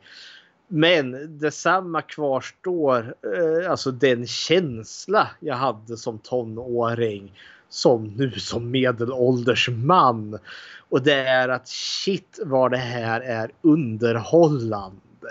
Alltså det här är vad jag skulle kvalificera som typ mysskräck om man nu kan kalla det för det. Men alltså det här är väldigt trivsam skräck. Alltså det är ju skräckkomedi. Eh, som inte faller över på allt för mycket flamsigt tramsigt territorium. Men det känns liksom som att det, det, det är gjort utav människor som gillar skräck eh, till för människor som tycker skräck är kul. Och det här, ja det är blodigt, det är dumt och det är liksom bara underhållning från början till slut. Så mina initiala tankar är att det här är en väldigt trivsam liten skräckfilm. Vad är dina tankar kring Demon Knights? Eh, nu, nu gick ju eh, Creepshow, eller inte Creepshow. Tales from the Crypt när jag var någonstans runt 8-9 års ålder. När den, här när, när den här filmen kom så var jag 9 men då, som, som jag sa innan, det var nätt och jämnt jag fick se Bullen då. Liksom. Men eh, i alla fall då så ungefär tio år senare så såg jag Tales from the Crypt. Eh, lite här och var och det var jag ett stort fan av. Jag tyckte det var himla bra. Eh, Men det var innan Netflix och innan Amazon och innan, innan full streaming. Så jag fick ju liksom ta dem jag lyckades hyra. På typ Hemmakväll eller eh, Forsvärn eller vart det nu var fortfarande. Eh, det känns liksom som att det här är en utav eh, en, en del i en Creepshow-serie. Alltså den har mycket går, mycket humor och eh, framförallt en riktig bloodfest med blodbad. Och det är liksom... Ska man se den här då ska man se den på en stor skärm. Det är det absolut viktigaste. Ärligt talat. För annars... Det, att bara som jag titta på min lilla 13-tums laptop. Det var en stor misslyckande. Det, nej, jag ska se den här på en 60-tums TV. Det, då jävlar, då har vi liksom den här superba. Liksom. Jag vill säga, alltså hälften av den här filmen tycker jag ligger hos Billy Zane. Som, han som spelade Collector. Det är liksom hans ondska och det är en förtjusande ondska har jag lyckats spåra upp någon som har Jag citerat. tror, jag tror det där är min eh, favoritfilm som med Billy Zane i. Jag tror aldrig han har varit så underhållande i någon annan film han har varit med i. Nej, och jag menar eh, Robert Zemeckis, Gilbert Adler och Joel Silver. Han är ju... De har ju liksom gjort eh, Dark Castle, det vill säga ha, produktionsbolaget bakom House on the Haunted Hill och 13 Ghost och Ghost Ship. Menar, Mm. Och det, det är inga- förvånar- det är bra att de har börjat någonstans, annars hade vi inte Ja. haft de andra filmerna. Det förvånar mig inte för just de där filmerna, alltså eh, Dark Castle Entertainment, alltså det är ju...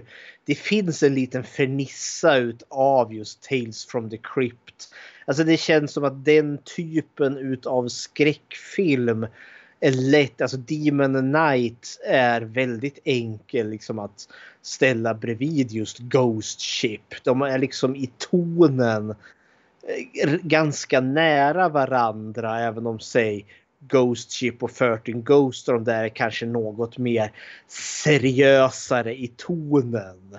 Medan Demon Knight är väl mer komedi. Eller har närmre till komedin. Ja, kära någon.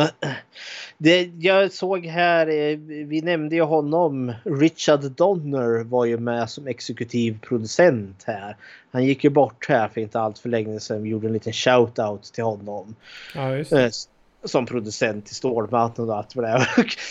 Det är nästan som man skäms. Här sitter vi som en skräckfilmspodd. Och så glömde vi liksom att det var ju han som regisserade Omen. Ja, just det. Hoppsan! ja, ja, så kan det gå. Men eh, så jag, jag varit lite glatt överraskad. Jag blev lite glatt överraskad när jag såg hans namn dyka upp här då. Som visserligen som producent, men ändå. Ja, eh, om vi kör som vanligt. Karaktärerna, platsen och hotet. Jajamän. Eh, nu, nu kanske vi får... Jag, jag vet inte hur långt ner vi ska klippa med karaktärerna. För i början så är det ju sjukligt många karaktärer. Det blir väl egentligen de som blir fast där på eh, den här ja, nedlagda missionsstugan som nu fungerar som vad är det, hotell, bar och bordell. Det ska vara ett vär, värdshus enligt baksidestexten. Men det är Ja, jo. knappast ett värdshus. Jo, det, det funkar ju lite som ett allt i allo. Men det blir väl lite de karaktärerna som finns där inne. Ja. Eh, tänker jag. Ska vi Men- börja med våran huvudperson? Eller en utav Ja. våra huvudpersoner. Eh, är det The Crypt Keeper du tänker på då? Nej, nej, The Crypt Keeper är inte det. Men han, han gör ju... Det, det här är ju liksom som en förlängd episod. Fast ändå så inte riktigt. För de här eh, tv-serien är ju alltid den här comeuppance berättelsen. Alltså en berättelse om en med en mörk twist på slutet. Liksom där, den, där den onde personen som vi har följt liksom äntligen får möta sitt ironiska öde. Det är ju faktiskt inte den här filmen utan här, den här har ju en mer klassisk treaktstruktur där du har tydliga hjältar och tydliga skurkar.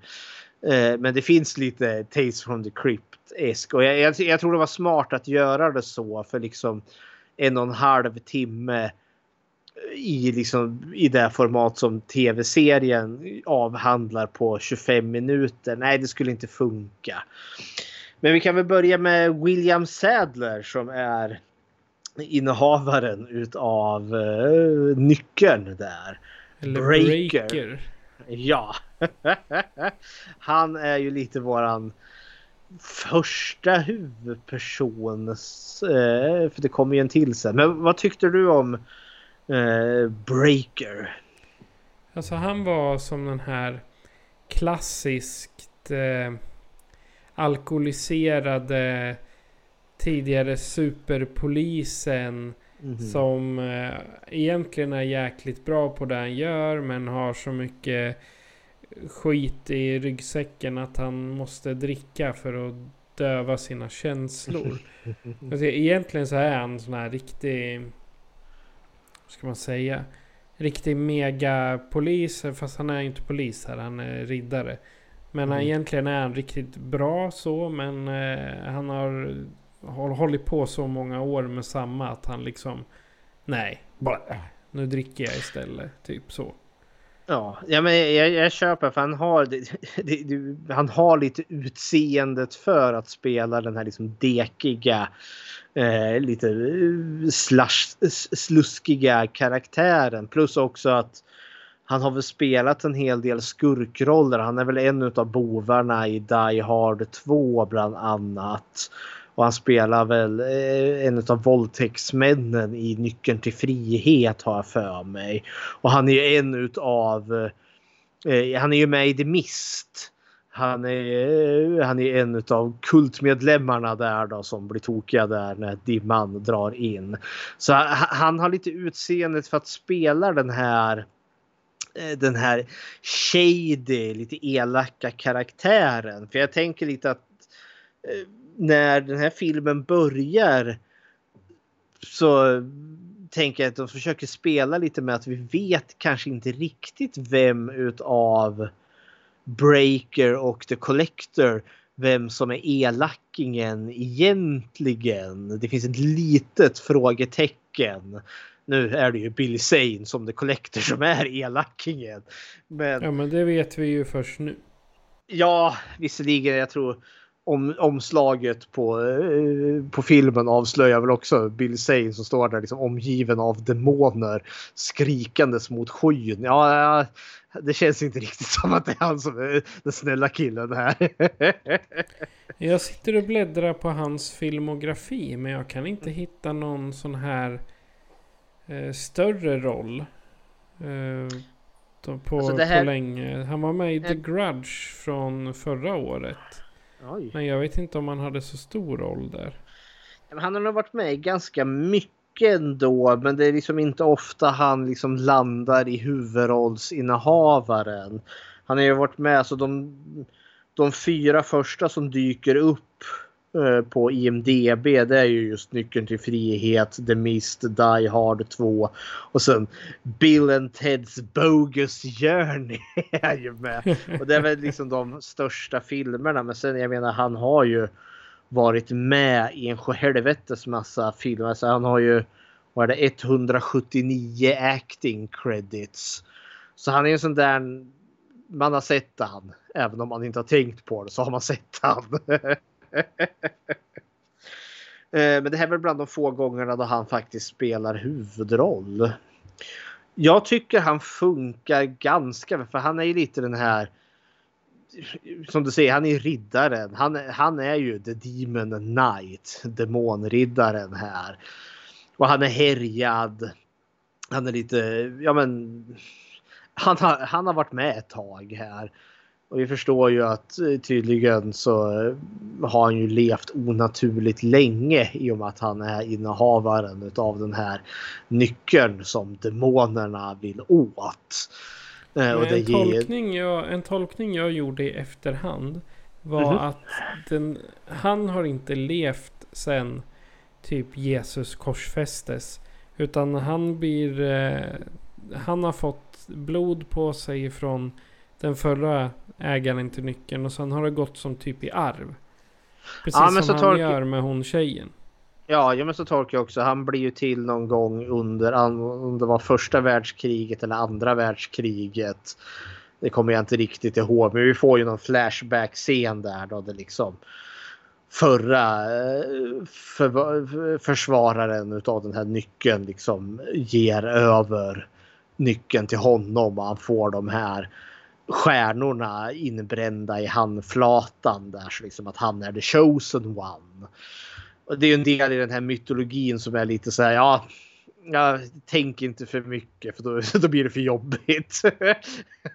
Man får verkligen liksom stänga av lite. Nej, nu stänger vi av den logiska fnurran. Ja, stäng, stäng av logiken. Mhm. Men jag kör, alltså han, de försöker liksom få honom att bli den här, alltså han har ju eh, hållit jämna steg med demonerna i, ja sen, säg andra världskrigets slut. Eh, och nu är han lite, alltså han börjar närma sig slutet. Dels också så har vi lite av ett mysterium. Vi får ju se de här stjärnorna som har bränt in i hans handflata. De rör på sig. Eh, som att de ställer sig. och De håller på att bilda en cirkel. Och vi förstår att någonting kommer att hända när alla de står i en cirkel. Vi vet inte riktigt vad. Det får man väl aldrig reda på exakt heller. Jag kommer precis i slutet där då tydligen när de när de verkligen är i en cirkel. Det är då det signalerar liksom slutet för hans tid att förvara nyckeln. Det är då han ska hitta en efterträdare.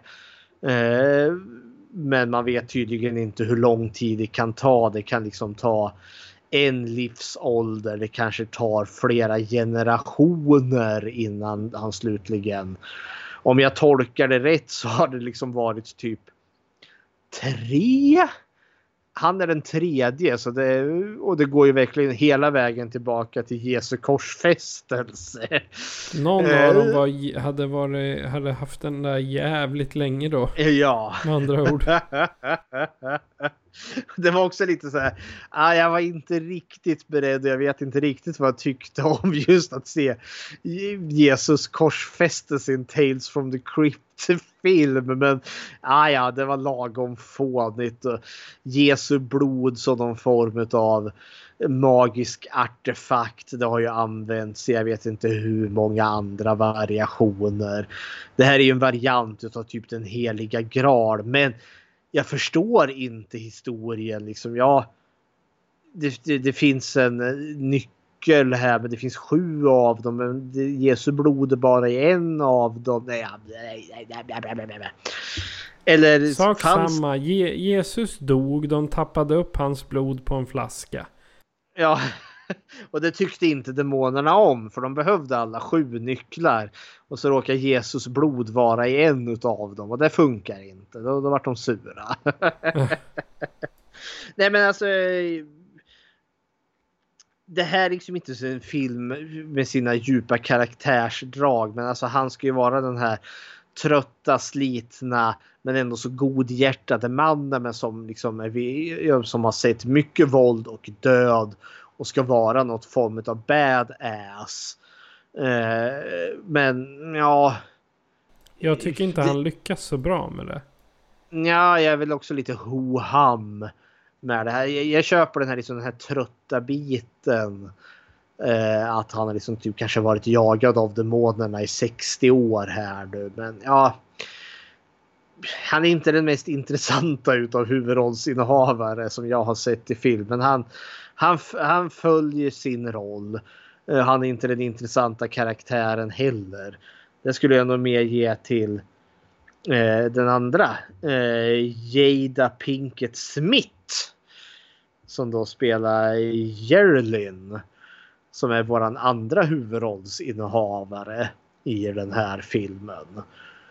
Och som blir lite av våran final girl också. Exakt. Eh, hon är med i Matrix. Ja, hon är ju med där och hon är ju också med i... Eh, hon är inte med så mycket. Hon är med i Scream 2. Jag, eh, jag har för mig att hon är ju kompisen med, med eh, Sydney där som blir mördad närmare slutet. Men hon är ju också vad är det, eh, Fish-Eye Mooney i, i Gotham-serien. De spelar den här gangsterbossen som håller jämna, eller håller på och krigar med pingvinen där. Det, eller Fish Mooney heter hon väl bara. Hon heter inte Fish-Eye. Jag sak samma. Hon är väl kanske mest känd för att hon är gift med Will Smith. Så det är väl kanske det hon Ja. är mest känd för. ja, ja. Eh, vad, vad tyckte du om hennes karaktär? Alltså hon, eh, hade det här varit en chick flick så hade ju hon varit kärleksintresset Mhm. i den. Och liksom, för, och sen, och, och även hon är ju den nedbrutna, alkoholiserade, hon, är, hon dricker inte alkohol men om du förstår Men vad hon- jag menar. Hon Eh, är ju, hon är ju typ ungdom på glid. Vi förstår ju liksom Ja. att hon, hon arbetar ju på den här värdshuset som någon form av samhällstjänst. För hon har väl gjort inbrott eller stulit någon bil. Så hon är ju väldigt, hon är väldigt gangster i början där. Liksom så här, lite så här Devil May Cry attityd. Men innerst inne finns det ju ett gott hjärta förstår vi. Men hon har ju lite sån här eh, hon är den tuffaste bruden i, i, i här. Take no business from anyone. Mm. Men hon, har, hon är ju liksom så skinn på näsan och allt det där. Men ja ga, gatusmart tror jag vi skulle säga. Ja. Som eh, svenskar. Väldigt talat. Jajamensan. Eh, Nej men det, jag, henne, henne, henne känner jag bara att eh, ja, men det är synd om henne. Hon har fått ett dåligt, hon har haft ett dåligt liv so far. Det är liksom min, eh, den känslan jag fick för henne på i stort Mhm. sett på en gång. Det har inte varit någon, någon vidare trygghet utan hon har fått stjäla och begå brott för att liksom eh, ja, hålla, hålla livet framme. Men Mm. sen också, man, som vi sa innan, det är ingen idé att, att granska allt för hårt. För det kan ju lika gärna vara någonting helt annat. ja, men alltså, jag gillade den här karaktären.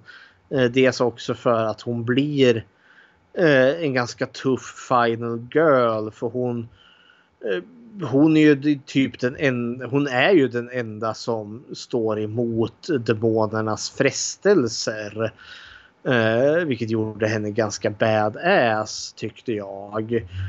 Eh, det jag ska ge den här filmen också om man nu ska eh, just att eh, den här är gjord 95 och det är väl kanske bland de få skräckfilmer från liksom, ja, den 90-talets era där vi faktiskt har en mörkhyad kvinna som våran final girl. Eh, det är inte allt för många, alltså det är inte idelt eh, ljusa kvinnor som, jag, menar, jag, tror inte det finns en enda mörkhyad kvinna som har besegrat Jason, Freddy, eh, Myers, Chucky, Pinhead. Det är liksom, ja. Det de- brukar vara de som dör först. Ja, i regel. Ja, men jag tycker... Jag tycker hon gör... Det är, liksom, det är ingen film som är känd för sina jättestora liksom, karaktärsdrag. Men de, eller karaktärsdrivande filmer. Men karaktärerna är trivsamma nog för att jag ska vara intresserad. Även när vi inte har skräck och action och bloddöd. Och jag gillar hennes, liksom, hennes utveckling. Till att, när hon ändå så liksom måste hålla någorlunda jämna steg med, med Bill Zane där på slutet. Men eh, ja. Kul karaktär. Och sen har vi då eh, Brenda Backe eller Cordelia. Ja, den prostituerade Ja, Bim, bimbon. Ja. Eh, hon hänger ju lite ihop med två andra karaktärer och det är ju han Roach. Här, hennes hemska pimp. Eller hennes hemska torsk heter det. Eh, och sen eh, Wally. På, vad heter brevbäraren som i hemlighet är förälskad med henne. Alltså eh, Cordelia, eh, Roach och Wally de karaktärerna är de som mest känns som hämtade ur ett Tales from the Crypt eh, avsnitt. Alltså de skulle lätt kunna höra hemma i en, eh, i en ja, 25 minuters långt avsnitt där då, om något kärlekstriangeldrama.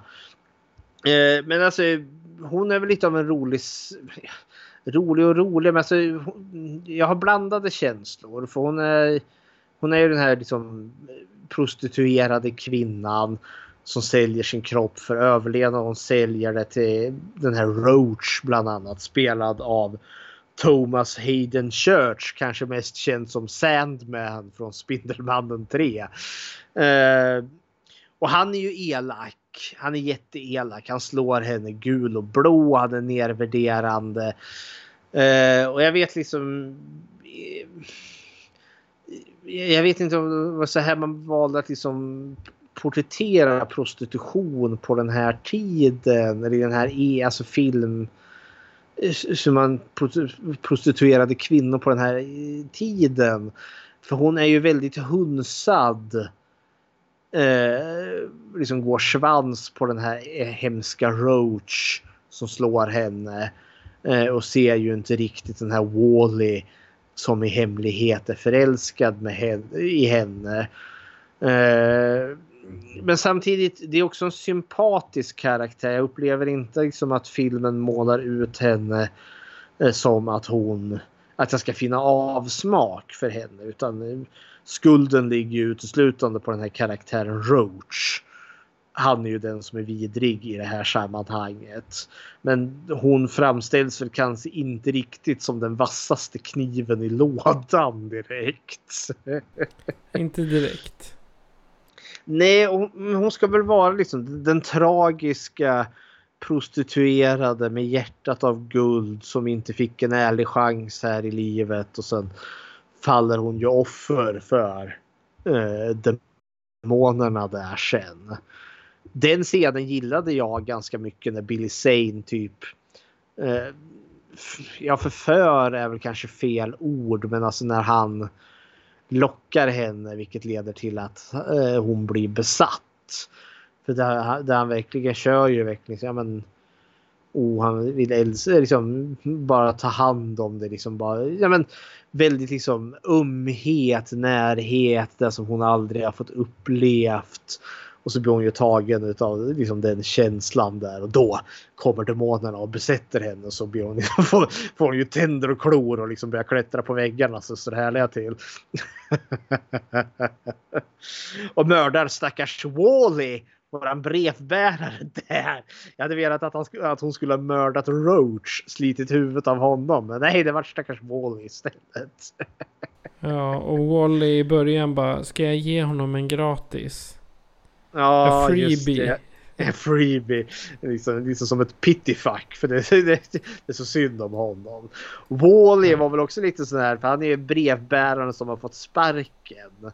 Och han ja, är liksom en, ja, för det går ett rykte om att han tydligen satt och läste eh, breven. Men det, det, det, ska ju bara vara falskt. Men i slutet så visar det sig att det var ju sant. De hittar ju uppe på vinden alla breven som han har sett och läst. Så tydligen hade han planerat att vad heter det, skjuta postkontoret åt helvete. Och det är lite going postal. Det var ju lite det där brevbärare som fick frispel och bara meja ner sin arbetsplats. Så ja, hepp. nåväl, nåväl. Vi kommer eh, till CCH Pounder. Jag tror, eller Irene som karaktären heter. Det är hon eh, stora svarta kvinnan. Ja, hon som äger eh, värdshuset. Ja. Jag vart inte riktigt klok. Jag, jag, såg eh, någon recension här som liksom sa att Eh, hon Irene och Gerline. Eh, alltså våran kvinnliga huvudrollsinnehaverska. Det var liksom mor och dotter. Det fattade jag aldrig när jag såg den här filmen. För jag såg Irene, hon var ju den som ägde värdshuset. Och Gerline var den som arbetade av sin samhällstjänst. Det var liksom chef och anställd. Så tolkade jag det. Eh, jag tolkade det som då typ faster. Eh, Ah, eller ja, något ja. liknande. Men eh, det, mor och dotter tror jag inte. Det Nej. kändes inte som det. Och var det så då porträtterar de det ju inte särskilt bra då med andra ord. Nej, för jag tycker då liksom reaktionerna. Jag, jag tänker att hon borde reagera lite när för hon får ju armen avsliten Irene. Jag tänkte om det var mamma som fick armen avsliten då kanske man skulle vara lite mer upprörd tänkte jag. Oh Men, no, alltså- mamma fick armen avsliten. Åh nej. Jag gillar verkligen Irene eller CC Pounder. Alltså jag gillar den här skådespelerskan. Hon är också sådär. Hon har varit med i mycket. Jag har sett henne i flera filmer. Jag kollar, hon är ju med i tv-serien The Shield. Hon är ju med i filmen Avatar. Hon var tydligen med i Robocop 3. Eh, Warehouse 13 är hon med ja. En hel säsong eh, NCIS New Orleans. 155 av, avsnitt. Hon verkar ha gjort mycket tv-serier. För hon har varit med i, vad heter det, Mm, nu står det still, Sons of Anarchy och NCIS och liknande.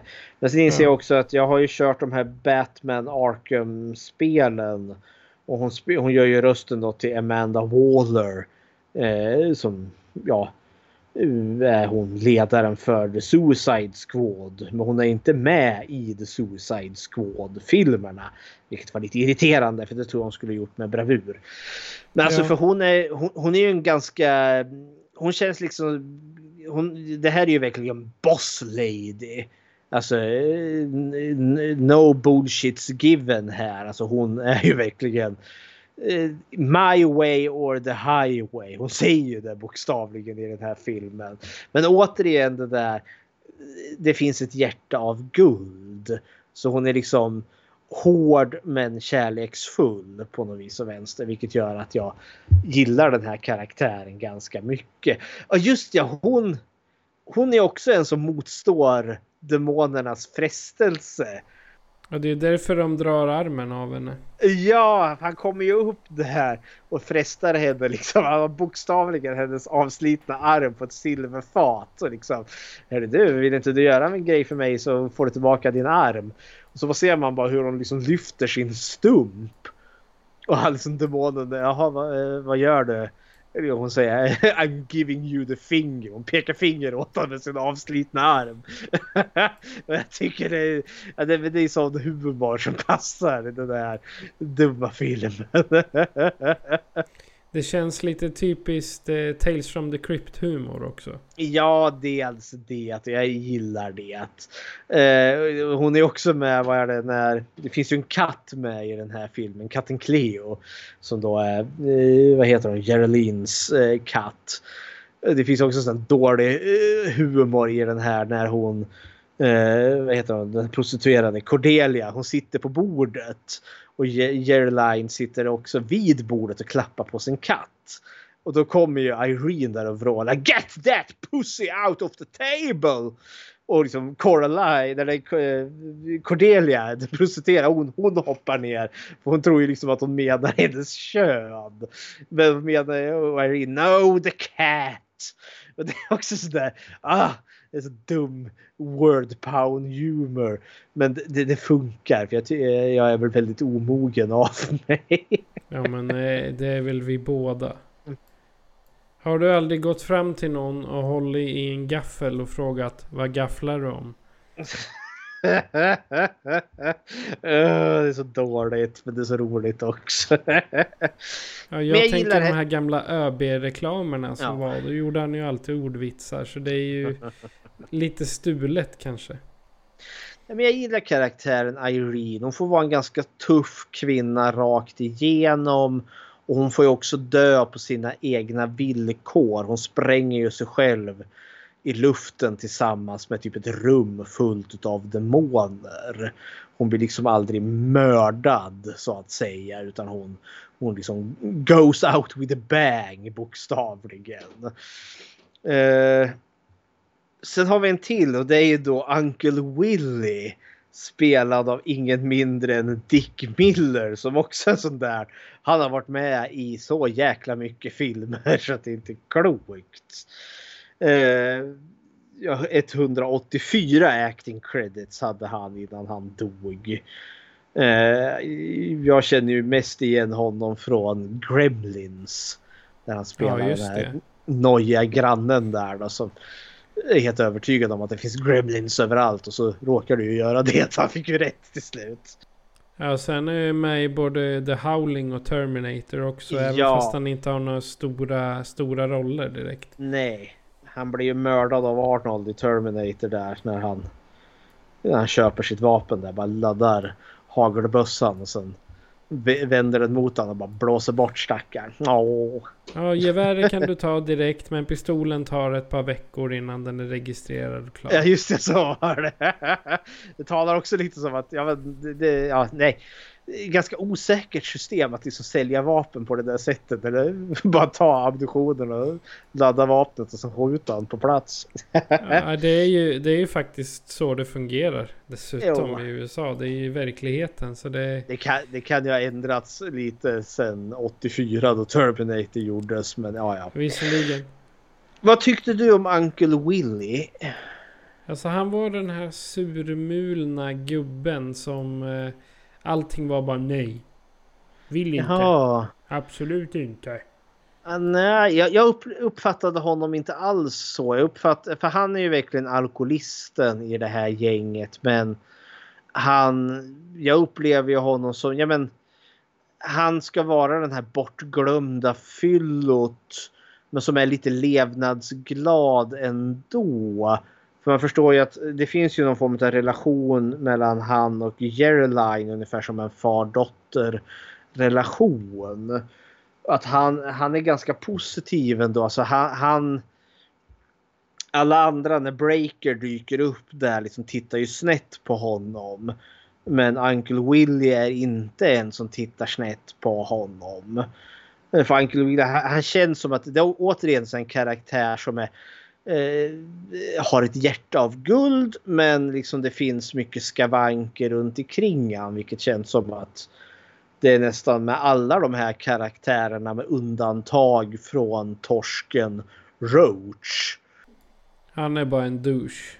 Ja men han är bara en douche från början till slut. Nästan alla andra karaktärer är ganska, alltså de har mycket, det, det, det, det är sjaviga karaktärer med mycket problem men in, djupt inom dem så är de ändå så godhjärtade personer. Minus Roach då. men det går lite i hans namn, Roach, kackerlacka. Nej, men han, jag, dels så gillar jag ju Dick Miller som skådespelare. Men han var egentligen den enda där jag kände alltså och nej när demonerna börjar fresta honom.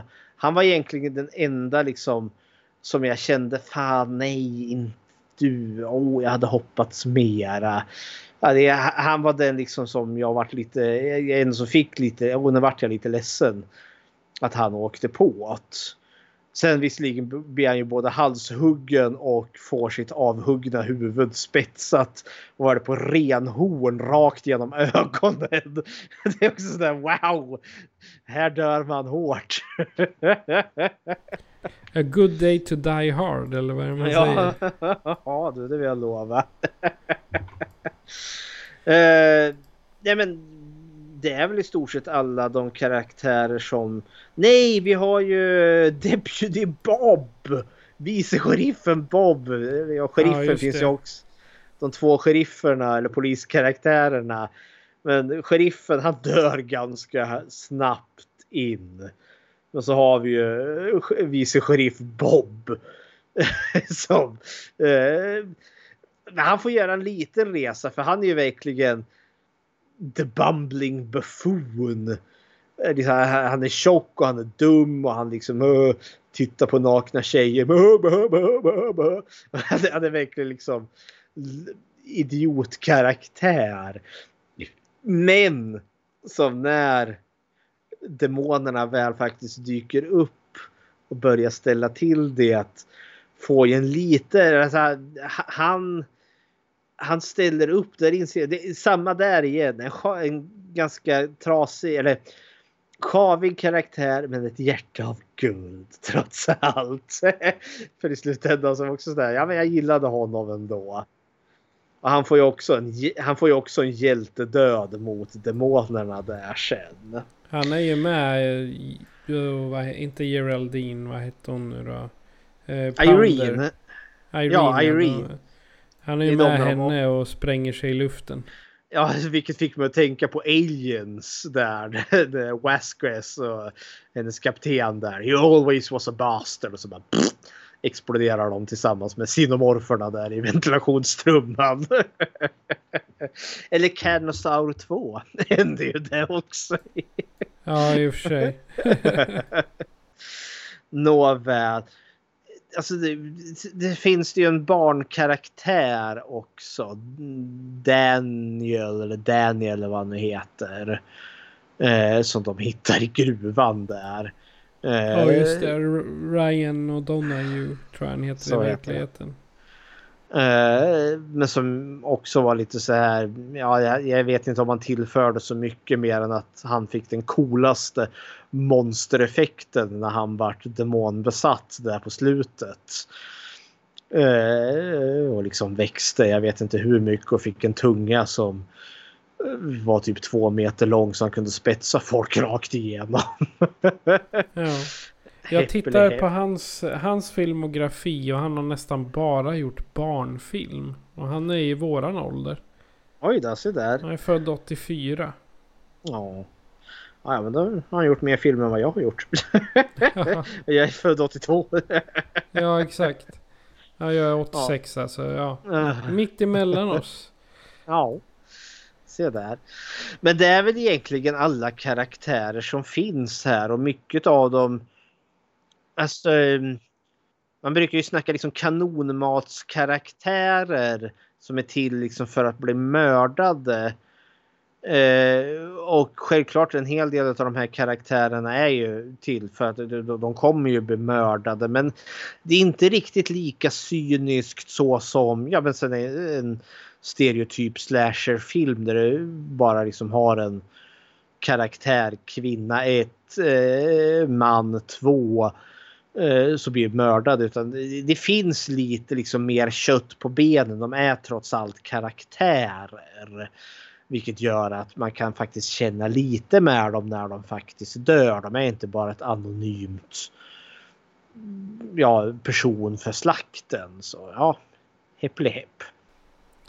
Okej. Eh, platsen. Vad tycker du om eh, sättet som de har byggt upp det här på? Ja, alltså det är ju, vi är ju majoriteten av tiden är vi ju i det här värdshuset. Som är liksom ett ombyggt missionskapell. Jag tror det till och med heter det Mission Chapel. Eh, och det är ju verkligen en kuliss. Det, alltså det känns verkligen byggt på en soundstudio. Det är väl precis vad det är. Eh, nu är det väldigt välbyggt men jag tänker att eh, stället är ju liksom havigt och lite nergånget. Men det känns inte riktigt äkta eftersom att kulissen är... Alltså illusionen är inte riktigt... Alltså jag, jag, jag köper Den inte är, riktigt. den är för tunn. Det, Den är det för liksom tunn. För, för Ja. tunna väggar, inte tillräckligt... Jag säger, det, det, det finns ingen fäste i det eller vad man ska kalla det. Nej. Om man ska jämföra med Descent som vi såg, alltså när de var nere i gruvan där. Det är också kulisser. Men där kändes det autentiskt att de verkligen var i gruvan. Jag kunde känna tyngden från de här frigolitstenarna. De kändes verkligen som riktiga stenar. Men så tänker jag också att The Descent var också filmer som var, eller åtminstone den första filmen, som, gjorde, som gav mig genuint obehag. Demon Knights är inte en sån typ av film utan det här är bara underhållning. Och jag tror lite att den här kulissen alltså, hjälper att liksom få den här fantasin, den här skräckkomedisagan. Alltså det gör, för mig gjorde det ingenting att liksom illusionen eh, av att, att det inte var verkligt så att säga eh, sprack här utan att liksom jag ser liksom en, en soundstage men det gör ingenting. För det är liksom bara en del i underhållningen här tänker jag. Ja för det är ju alltså det är ju inte någon Oscarsfilm direkt. Nej gud nej. Och det, det, det här är ju av samma kvalitet som om du skulle ha ett tv-crew som spelar in 20, 20 scener i, eh, om dagen. Liksom. Alltså den påminner till viss del tänker jag liksom som From Dusk till Dawn när de kommer till baren där på slutet med alla vampyrerna. Alltså det funkar i sin surrealism. Och då behöver jag liksom inte köpa att det här är ett riktigt missionshus som numera fungerar som något form av värdshus. Alltså eh, den här lite pastischiga kulisserna. Det är en del i charmen på något vis och vänster. Jag tänker mig lite som eh, Hellraiser. De, mm -hmm. när de använder målade kulisser. Ja, ja, ja. lite av de senare. Det, lågbudgetfilmerna ja. där. Ja exakt. Jag tänkte det ju, kan ju vara li, lite samma där. Det är, ju, det är ju inte bra men det är charmigt. Det är liksom. ju det. Ja men det är liksom. Ja men, ja, ja, men jag köper det. Liksom det, är, det är en del i mysfaktorn. Uh, den har liksom inte behovet av att ha typ samma realism som säg Hajen eller Exorcisten har. För det, det där grundar de ju liksom ändå så en, en realism tillsammans med det övernaturliga som i Exorcisten eller med monstret som i som Hajen i Hajen. Men där, där funkar det för det jag köper liksom, det känns mer äkta medans Tales from the Crypt, the movie, behöver aldrig kännas äkta. Men det funkar Nej. bra ändå. jag, jag tror att eh, det är väl just att de inte känns äkta som gör att de är så bra filmerna. Mm. Ja, men det är också, det blir bara ren skär underhållning. Exakt.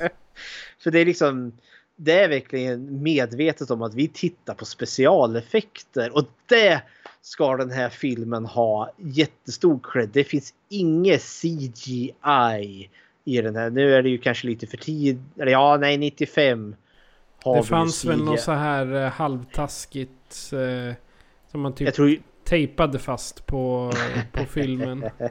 ja, nej men alltså Jurassic Park kom ju året innan. Och där har du ju CGI och Terminator 2 har du ju T1000 i och den kom ju 92 så det 91 Ja, å andra kanske. sidan hur stor var deras, hur stora budgetar hade de filmerna? Ja, nej, alltså de, de filmerna hade ju budget liksom tiofaldigt mer än Demon Knight hade. Så det fanns inte utrymme till det. Men det är också skärmen, alltså demonerna, monstren, specialeffekterna, kladdet. Alltså det är vansinnigt kul att se alla de här praktiska effekterna. alltså jag tror både du och jag uppskattar praktiska effekter mm. mer än alla dessa dataeffekter som finns hela tiden.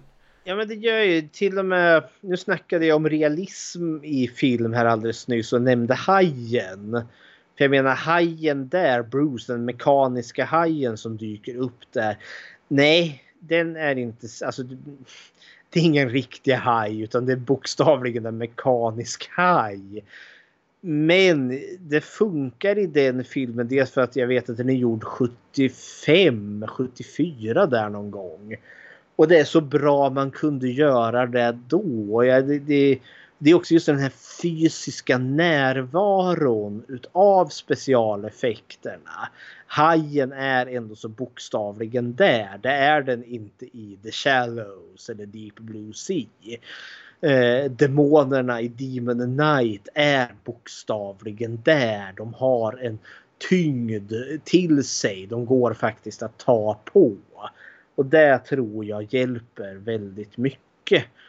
Och gör väl också att jag är villig att se bortom skavankerna som finns där. Det är lite som min, min relation till Don't Go Into The Woods Alone. Ja, oh, nej. Mm. Ja, den relationen helt... ska vi avsluta, är det där du tänker? ja, den får gärna dö plågsamt. Nej, jag lovar, ja, ja. jag ska ta mig ur den destruktiva relationen. ja, kära någon. Okej, okay, men nu kommer vi till, till min... Till det jag har väntat på, det vill säga The Collector eller Billy Zane hotet. Ja, det, jag, jag älskar The Collector och jädrar vad mycket eh, one-liners han drar. Alltså Billy Zane, han är ju höjdpunkten i hela den här filmen. Kära någon vad han spelar över. Men fan vad kul det är. Och det märks också att Billy Zane i sin tur har haft det jätteroligt att göra den här rollen som den onda demonherren, The Collector. Alltså det bara, bara lyser, det är bara fröjd varje gång han dyker upp. Uh, till och med... Vi har ju ett, eh, ett litet klipp när ja. han eh, drar sina en av sina one-liners här. Vi ska väl ha lite kontext till det här för han, det här är ju lite, de spelar ju lite mellan han och The Breaker här i början. Vem är den elake, vem är den schysste? Eh, så han har ju varit lite straight face, liksom han har lurat polisen där om att han har jagat en kriminell där då, att han också är polis. Så han har liksom spelat att han är människa hela tiden. Eh, men nu så har ju han tröttnat. Eh, han har åkt på lite däng där då. Han har retirerat ut ur kyrkan. Och nu har han tröttnat. Och då får vi ja, det här lilla klippet.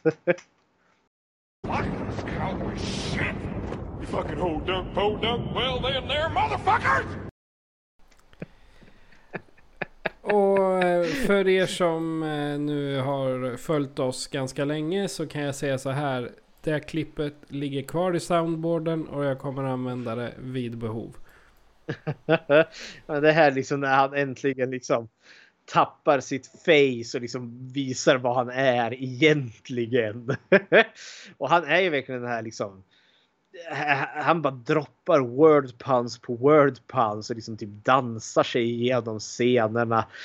Och han har liksom också, för det, det finns lite av den här liksom Deadpool eh, eska eller Harley Quinn eska, så den väldigt eh, vad heter det, eh, osannolik karaktär, en karaktär som man inte riktigt vet vart man har. Eh, så, så han gör konstiga saker bara för att han gör konstiga saker. Han bryter förvisso inte den fjärde väggen så som Deadpool gör. Men den här karaktären skulle mycket väl bara kunna plötsligt vända sig och liksom bara prata eh, till oss direkt i publiken. Det skulle inte förvåna mig alls. Men Billy Zane är, alltså ja, det är vansinnigt kul och samtidigt kan ju han också spela. För, för plotten här är ju. Han kommer inte riktigt in i. Han vill ju ha den här nyckeln. Men han kan inte komma in för man kan använda blodet där då för att stänga alla eh, ingångar. Det blir liksom som någon form av skyddsfält som han inte kan ta sig igenom eller hans demoner heller. Det blir ju som en eh, typ eh, skydds, skyddsbarriär. Ja. Precis som i, i Supernatural. Där strör de ju salt längs med ja. väggarna för att de inte ska komma in. Och det är väl typ samma, samma tanke här. Ja. Nej men det gör ju att han, han, han blir också som någon form av förförare. Han blir som en form av Meofesteles karaktär som liksom Eh, söker, han gör ju lite mind games med karaktärerna. Ja men som med Cordelia eller Uncle Willy där han liksom aspirerar till liksom deras längtan och begär. Så att de, liksom, de släpper liksom in honom så då kan de liksom demonbesätta, bli besatta av demoner och på så sätt kan de ta sig in i huset och orsaka elände. Då. Och det funkar han ganska väl för exempelvis som just när han ger sig an den här prostituerade kvinnan Cordelia. Ja, det, då spelar han ju in, alltså sån här väldigt sympatiska mannen som förstår liksom henne. Det, det är väldigt trösterikt. Och det är liksom, ja det, det blir en ganska effektiv scen. Och så jämför man liksom, som jag köper också, att den här luriga karaktären, han är lite av en trickster. Och samtidigt har vi sånt här liksom där han dansar in i rummet med liksom könet före. Drar ner gylfen och ut kommer liksom hans eh, Eh, eldsnopp som var far omkring där i någon form av ljuseffekt. Han liksom wow! Eh, calm down there boy! Woohoo! Sån jävla cowboy. Han liksom wow! ja, hepp så det kan gå. Nej men alltså Billy Zane som filmens elacking här. Det, det, det är en fröjd. Halva, alltså, halva filmens underhållning går bara åt till honom. ja, det, det, jag kan inte mer än att hålla med. Det är Billy Zane som eh, för filmen framåt så att säga. Man ta, det är tack vare honom man inte tappar intresset. Nej. Sen nämnde vi lite som de här logiska, eller jag nämnde de här logiska fnurrorna den här filmen har. För det är ju lite den här, de introducerar den här, de sju eh, stjärnorna som ställer sig i linje. Och tydligen så ska det liksom, när det händer, då ska sju personer samlas precis som det gör här. Och det är liksom en del i ritualen. Och då visar sig, vad är det för, för den här ritualen kommer aldrig till del Alltså det händer ingenting. Är, är, liksom, är det the passing of the torch? Att hon är den nya chosen one?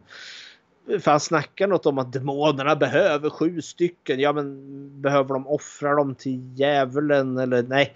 Det känns som att filmen introducerar saker som den sen glömmer bort. Att det fanns där. Så, ah, eller så är det improviserade rubrik, eh, alltså rubriker, repliker som, mm -hmm. de, eh, som han har tagit och sen bara glömt. Ojsan, vi glömde klippa bort dem. Äh, skitsamma, ja. ingen märker något.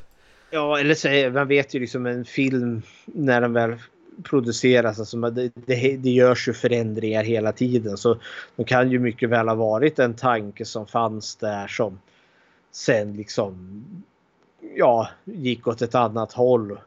Men så hade man ju scenen ändå. Varför, varför filma om det? Så ja, pff, sak samma. Men trots att det finns logiska luckor i den här så gör det ingenting. Jag tycker att de, låg, de så kallade logiska luckorna det är det som för filmen framåt. ja, kanske det. Men det, det, det, gör ingenting för mig i alla fall. Ja, jag tänkte faktiskt fråga dig vad dina absolut slutliga tankar är innan vi går vidare. Ja, men mina slutord till Demon Knight är att det här är väldigt underhållande skräck.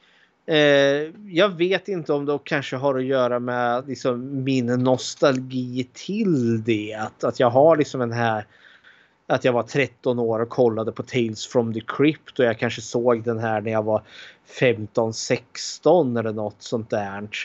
För jag vet liksom inte om en yngre publik skulle ha samma behållenhet till den här filmen när man har vuxit upp på en diet utav Conjuring och It eller liksom så eh, filmerna. Man, det kanske är för corny. Och det skulle göra mig lite ledsen. Men alltså jag känner... Jag tycker väldigt mycket om den här filmen men jag är också väldigt väl medveten om att jag har väldigt nostalgiska glasögon på mig. Men lik förbannat tycker jag att det är en kompetent skräckkomedi eh, som eh, jag är ganska harmlös. Som bara är liksom dum underhållning och ja, som håller måttet rätt och slätt. Så det är mina slutord. Alltså det är absolut inget mästerverk på långa vägar. Men shit vad det här är underhållande. Så ja, det är mina slutgiltiga tankar om Demon Knight. Ja, jag tycker Demon Knight. Jag, jag struntar i det här eh, Tales from the Crypt Presents eh, grejsen. För jag, jag, jag, tror vi gjorde två, två eller tre omtagningar med det. Eh, för ja, jag sa fel hela tiden. ja, men det här är en, en, en eh, ska jag säga, bra skräck snedstreck actionfilm snedstreck eh, öl och chipsfilm. För vi, vi får liksom både träffa The Crypt Keeper och du får liksom höra en berättelse om ett motell som blir typ överkört av gröna demoner. Och jag gillar Goren. Den är riklig och grym även om liksom det är sisådär med effekterna. Men det liksom varje del av människokropparna får testa på att brytas ner med armar, ögon, hjärtan och andra viktiga organ. Punkteras med demonisk glädje. Så, såg du vad jag gjorde där? Det, det, är liksom... Eh, jag tycker det här är en film, demoner versus människor. Och Zayn är liksom eh, demonernas eh, motsvarighet till Dar Darth Vader ungefär. Så. Frågan är, kommer någon någonsin kunna motstå Zayn när han eh, kör sina sataniska eh, sataniska rit, riter? Men en sista sak som jag läste mig till här det är att en av festbrudarna i Farbror Willis förförelsescen mm -hmm. är porrstjärnan Chasey Lane. Mm -hmm. Hon dyker upp för att hjälpa, över, hjälpa honom över till den mörka sidan. Och hennes, eh, hennes topless-kraft är tydligen liksom för mycket för att någon dödlig man ska motstå det. ja, för det ska jag också höra till alltså Debna här. Att visst, det, det är mycket grafiskt våld, men du har ju också lite alltså hardcore nudity. Alltså det, man får ju inte se några kön i den här, men det, det är ju en hel del liksom kvinnliga bröst. Bara bröst som dyker upp här. Och det kan ja. man väl kanske ge som en kritik till den här för det är ju bara kvinnlig nakenhet som dyker upp i den här filmen. Det har liksom ingen manlig motsvarighet för den kvinnliga publiken att titta på. Men ja, ja. Det... Så kan det vara. Så kan det vara. Det är fortfarande en väldigt underhållande film. Den är mycket underhållande. Uh, har du gjort någon uh, Bechteltest på den här? Det har jag. Uh, och det är om kvinnlig representation i film där då. Och fråga nummer ett. Finns det mer än två namngivna kvinnliga karaktärer? Eller finns det två eller mer uh, namngivna kvinnliga karaktärer? Och ja, det gör det. Vi har ju Gerline, våran uh, huvudrollsinnehaverska. Vi har den prostituerade kvinnan Cordelia och så har vi ju Irene som ägaren till värdshuset. Möter de någonsin varandra? Ja, det gör de. Alla är ju i värdshuset. Och om de möter varandra pratar de om någonting annat än män. Och ja, det gör de. Vi har ju den där scenen som jag nämnde med Get that pussy out of the, of the table. Då är alla tre kvinnor involverade där, bland annat. Så ja, Demon Knight klarar Bechteltestet med bravur. Yay! Ja, det var Tales from the Crypt Presents Demon Knight från 1995. Och om du som eh, lyssnare tycker att den här filmen är grym, att den suger eller eh, tycker att vi är bäst så kan du göra så här för att kontakta oss. Skräckfilmscirkeln presenteras av Patrik Norén och Fredrik Rosengren. Produktion FPN Productions. Besök skräckfilmscirkeln.com för att hitta var du kan lyssna på oss, hur du kan kontakta oss och hur du kan stödja oss. Vill du diskutera filmerna i podden är du välkommen att gå med i vår grupp på Facebook som heter Skräckfilmscirkeln Eftersnack. Tack för att du lyssnar.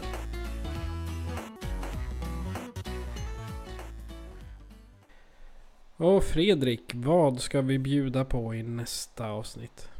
Nu då, håll i hatten här. Nu ska vi ge oss an en franchise.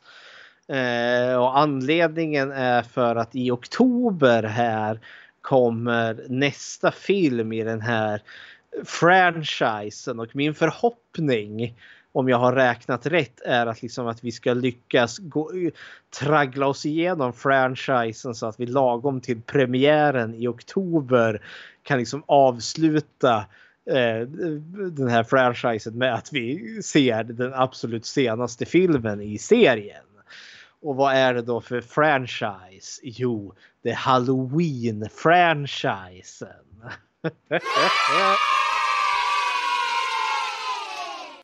Nu är det dags för en av de klassiska Big Bad där. Michael Myers och Laurie Strode kommer nu eh, ja, finnas. Så att vi spyr på skiten i slutändan. Hur många filmer kommer det bli totalt?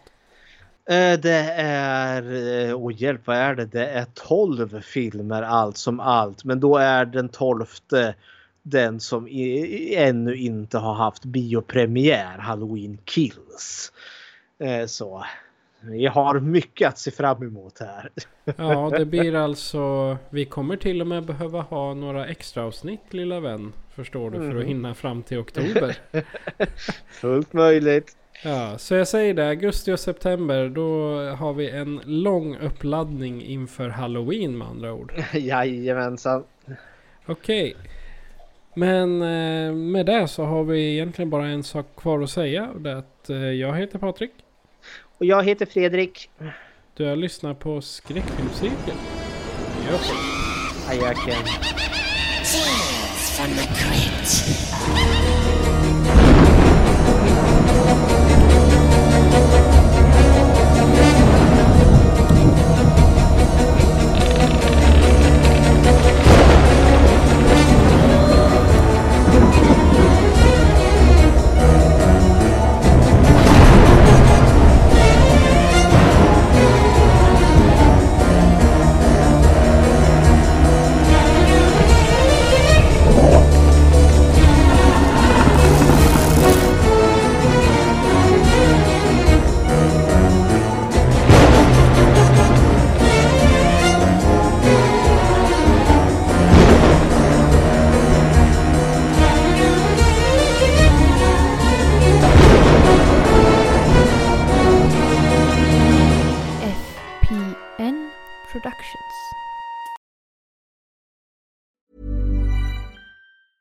Planning for your next trip?